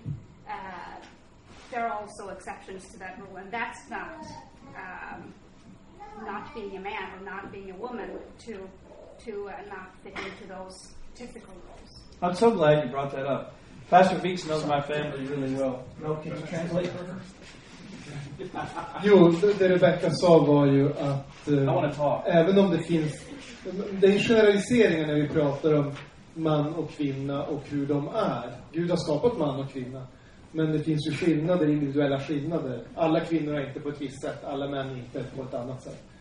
Eh, så att man behöver inte känna sig udda om man inte passar in i de mönstren. Och då börjar han här med att säga att det stämmer. Sorry. That's okay. I'm a perfect example because uh, my my whole family is are talkers, and I talk more than Mary does. Och jag har ett exempel på det säger han också för att hela min familj är väldigt pratsam och jag pratar mer än vad Mary gör förmodligen. That's good. Then we get a lecture uh, after lunch too. Yeah. It's better to have more. Vad bra, då I still have något att säga one. efter lunch. I talk so much I won't let him talk. Okay, maybe go to the next one. I want to because I'm worried about our time. I want to use up all my time before lunch. So, commitment. I want to. We'll we'll start this and then we will come back at three for me. Right? There's a Yep. break. Okay. So I'll whet your appetite about commitment. Mm. Hängivenhet. Vad säger Gunilla? Det är väl- Whet. Hängivenhet. Okay. Uh, the, when when God made man and woman, He made them to be individuals that would come together in faith and make the commitment that He wanted them to make in order to make this beautiful thing called marriage. När Gud skapade man och kvinna och förde dem samman så ville han att de, i tro på Gud, skulle ge sig åt varandra. We are not robots. Vi är inte robotar. We are not dogs or cats. Vi är inte hundar eller katter. We are people. Vi är människor. And so God, what He does by His Holy Spirit is He comes back into our life because we drove Him out in sin. Och det Gud gör, det är att han kommer tillbaks till oss. Vi har förkastat honom genom vår synd. And He teaches us to make freely the commitment that He makes to us as our Savior. Och han lär oss och undervisar oss så att vi villigt ska göra det åtagandet, ta det åtagandet, ge oss hän på det sättet som han gör i sin frälsningsplan. This Jesus died on the cross 2,000 years before you were born. Je- Jesus stod på korset 2000 år innan ni föddes. If the world's here 2,000 years from now, He will still be the Savior of all people. Om världen fortfarande finns om 2000 år så är han fortfarande allas frälsare. If you run away from Him for 10 years and come back, He'll still be your Savior. Om ni springer bort från Jesus och kommer tillbaks tio år senare så finns han fortfarande kvar och är fortfarande din frälsare. This is why He called Himself the bridegroom of humanity. Och det är därför som han kallar sig vår brudgum, mänsklighetens brudgum. So when he comes to a man, a young man, and he says, any man, and he says, I want you to make a commitment to be her leader and her husband and her lover for the rest of your life, it is a great, it is a very logical thing for him to say because that's what he does. Så när han talar till en ung man eller en äldre man och säger att i äktenskapet så ska du ge dig hän och du ska binda dig och bli ett med denna kvinna för resten av livet. Så är det någonting naturligt för honom. Sådana förhållanden har han till oss. Commitment is the foundation of a marriage. Hängivenhet och trohet, det är grundpelarna i ett äktenskap. And in Western civilization, Och i västerlandet, and you, and in Sweden, and Finland, and Norway, and in America, we are all Westerners. och det gäller oss i Sverige och Norge och Finland och Danmark och USA, The whole idea of commitment is lost. så saknar man ofta den här idén, tanken om hängivenhet. So go to the next slide. How well does the Swedish society teach commitment? Hur bra tycker ni, eh, hur stark är tanken om hängivenhet? Do you watch? Are there, are there many Swedish movies? Are they all? Do you watch a lot of American movies? American? Both, I would say. Both. Okay. So here's a, an experiment. Real quickly, we'll all do this together because we only have a minute or two before lunch. Put the next question up. We'll be one. One. We'll just all be one group. Okay. Name five movies that teach the value of commitment in marriage that you've seen in the last five years. Kan ni komma på fem filmer som ni har sett där man får se att eh, man och hustru är hängivna eh, varandra och håller Or, ihop? or TV shows. Eller tv-program. Your popular stuff. Ja. Utvandrarna. Eh, Sverige, Vilhelm Moberg. yeah. Good. They're moving to America. Okay. Together. Okay. 1800s. All right. Good. There's one. A Beautiful Mind. Remember that one? Where the guy has schizophrenia? That's a good one. You know it? Little House on the Prairie. Little House on the Prairie, huh? Lilla huset på prärien. 30 years ago. Yeah. För 30 år sedan. Okay. Yeah, Blake? The Pursuit of Happiness. Okay. He's committed to his wife. She's not committed. Okay. So that would teach you about the power of not being committed. That's okay. That's that goes in that second category. Fireproof. Pfeiffer? Fireproof. Fireproof, yeah, made by that Christian community, okay? Now, let's just name some that teach you, don't teach you the value of the marriage commitment. Kommer ni på några som inte är goda exempel vad det gäller hängivenhet i äktenskap? Desperate Housewives, TV show Friends, Dallas. Dallas, that's pretty old. but that's good. Oh, ja, Texas. Yeah. You can name a lot, right? I'll challenge you. Think of think of the love story movies that you've seen lately, and tell me tell me. In you know, this is rhetorical, but Eh, en utmaning här. Tänk på romantiska filmer som ni har sett på sistone och försök komma ihåg. This doesn't usually go like this. Boy meets girl. Är inte ofta så här? Pojke möter flicka. They laugh and have fun together. De har det trevligt tillsammans. They go to bed. Och så ligger de med varandra. Then they struggle to, to live out life together and to love each other. Sen har de problem med att vara tillsammans och lösa problem. They separate. Och så skiljer de sig åt. They come back together. Och så återförenas They go to bed. Och så har de sex med varandra. And the movie's over. Och så slutar filmen. Pretty close. They mix that up a little bit, but rarely do you have they meet. Det är väldigt sällan som det händer att de träffas. They start to get to know each other. De lär känna varandra. They realize there are things they're going to have to work on. De inser att det finns saker de måste jobba med. They make some mistakes. De gör en del misstag. They separate. De delar på They sig. come back together. Och så kommer de tillsammans igen. They make a promise that they're going to get married. Och så lovar de att de ska gifta And then sig. they get married. Och så gifter de sig. And then they have sex. Och sen har de sex med varandra. When do you see that? När har ni sett det? And, and over and over and over we watch the other. Och gång efter gång efter gång ser vi det andra exemplet. And we wonder why it's so hard for our kids to keep their head. Och ändå så blir vi förvånade över att det är så svårt för ungdomar att behålla sunda värderingar. Their mothers and their grandmas can't even keep their head Inte ens deras mammor eller mormödrar. because they didn't start at the seminar. Right? Called them the, their family, and they didn't stay in the Word of God. Right? Mm. We need repeat that. Uh-huh. Okay. okay. All right. Go to the next thing. I want to I want to finish this slide, and we'll go to lunch. Okay. How many Swedes live together outside of marriage statistically? Have you looked it up? Hur många svenskar tror ni lever i samboförhållande utan att vara gifta? Har ni någon aning? She says 50%, 60%. I, I when I googled it, when I googled it, and this, and I did it several times, I got lots of different reports, and that's the way it is in social science. Eh, när jag googlade så fick jag en massa olika svar och så är det ofta med samhällsvetenskap. But the lowest ones I saw were 60%. Men den lägsta siffran jag såg var 60. The highest, 90. Den högsta 90. That's no different than America. Det är ungefär som i USA. Uh, it, I've been a pastor for 21 years. Jag har varit pastor i 21 år. It was common, but but less common than. Uh, no, let me let me say so it's easy to translate. Early in my ministry, it was maybe one or two out of ten couples that came to me that were already living together. Eh, tidigt under min tjänst som pastor, så var det kanske en eller två av tio par som kom till mig som redan bodde tillsammans utan att vara gifta. Now it's at least 50%. Nu är det minst hälften. Um, one time, a boy that grew up in our church and went through our Christian school, En gång var det en, en pojke som växte upp i våran kyrka, gick på skolan som kyrkan drev. he quit coming to church in ninth grade and he showed up again, and his parents did not quit coming. Han eh, slutade komma i nian, hans föräldrar fortsatte komma. He showed up again at the age of 19, Så dök han upp igen när han var 19 år. living together with a baby that was 18 months old. Och han bodde tillsammans med en kvinna och hade ett barn som var 18 månader. Not uncommon. Inte ovanligt. I was talking to him in my uh, office with the door shut, and I said, I want to talk to you about making a marriage commitment with your girlfriend. Och jag satt med honom och samtalade och sa, jag vill, vi satt i en rum och talade, och sa, jag vill att du ska eh, gifta dig med barnets mamma. He said, What? Varför det? What's the problem? Vad är problemet? I said, Well, you need to make a lifelong commitment that you're going to be husband and wife so you can be a family the way God intended. Remember when we taught you that in school?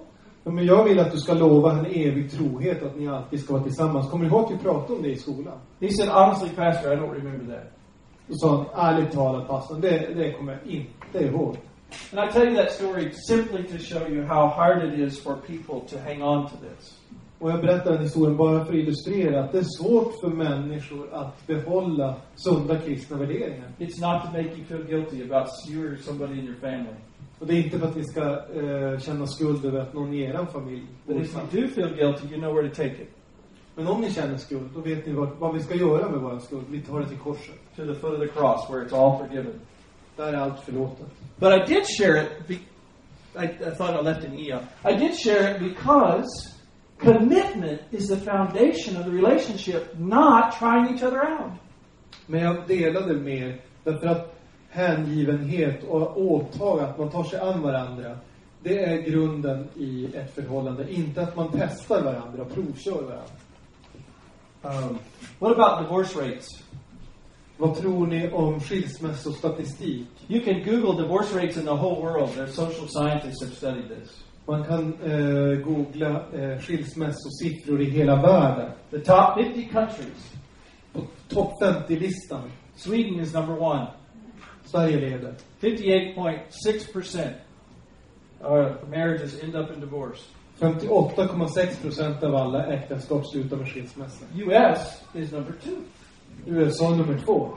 with 58.5 percent. Med 58,5 procent. So we are brothers and sisters in many ways because we are Christians in the middle of society that's lost its understanding of commitment. Så vi har mycket gemenskap. Vi är kristna i samhällen där ett livslångt äktenskap är någonting som är lite bortglömt. You remember the path I had Mary on? Kommer ni ihåg de här olika stigarna som jag och Mary gick I'm taking you down this path not to the judgment, but to the cross to say, we are the church.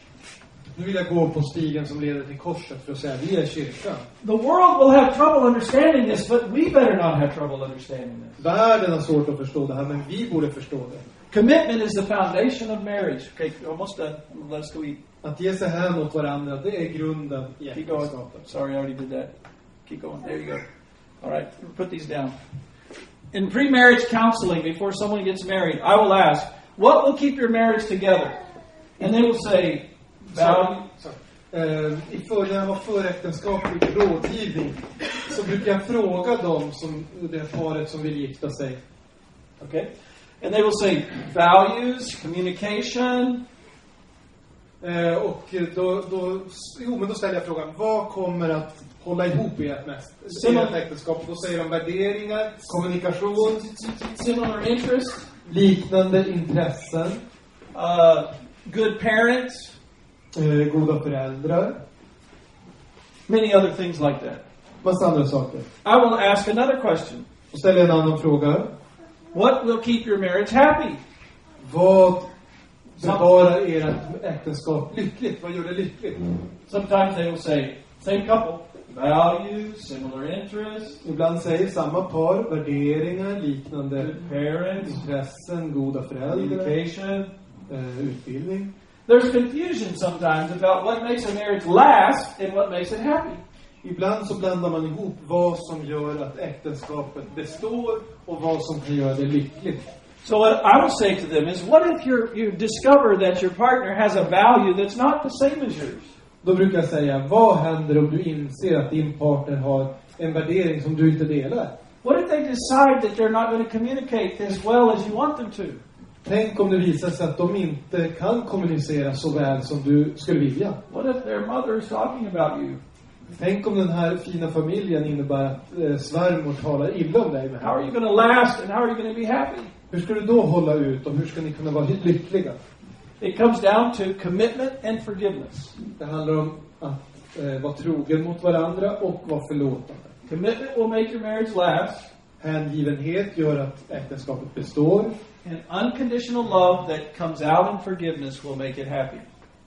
Och eh, eh, Love without conditions. ja, eh, oförbehållslös kärlek utan villkor gör att det kan vara lyckligt. So uh, I want to see one more slide to tell them. I'm not going to go through, but tell them what's coming after lunch. Okay. Det här ska vi inte göra nu, ni ska få äta. Men det här kommer vi att prata om efter lunch. I asked you to read Malachi 2 for homework. Uh, you still have a chance. Uh, after lunch, you can do that because at 3 o'clock, we're going to go to Matthew and Malachi. Ni som inte har gjort läxan, ni har fortfarande chansen att läsa Malaki kapitel 2. Nu har vi lite ledig tid efter lunch. Matthew 19, Malachi 2. Matteus 19 också. And what I want to do after lunch is to show you God's heart. Och det vill göra efter lunch är att visa Guds hjärta. Matteus 19 också. Okay? And uh, please, again, if you have any questions or comments you did not feel comfortable raising in front of the group, you can ask me in private. We can talk. Och hörni alla, om det är någon fråga som ni kanske inte ville ställa inför hela gruppen, tveka inte utan ställ den nu under lunch eller under eftermiddagen. I'm also very excited to tell you three stories about people I know that acted out all of these beautiful things in their lives, and they're very uh, encouraging. Jag har också tre uppmuntrande saker, eh, uppmuntrande berättelser som jag vill dela med er om människor som har försökt att leva efter det här äktenskapet och det har, det har hjälpt. Yes. Låt oss be. Käre himmelske Fader, du som skapade man och kvinna till att bli ett kött. Vi ber om att du ska bevara alla äktenskap i våra, våra kyrkor och i våra församlingar. Du vet att våran synd ofta ställer till problem i våra närmaste relationer. Hjälp oss att inte skylla ifrån oss när något går fel, utan att se våran egen del i problemen och be vår partner om förlåtelse. Vi ber också att vi ska komma ihåg att vad som än händer så har vi alltid förlåtelse i Jesus Kristus och vid korsets fot. Och i hans heliga namn ber vi. Amen.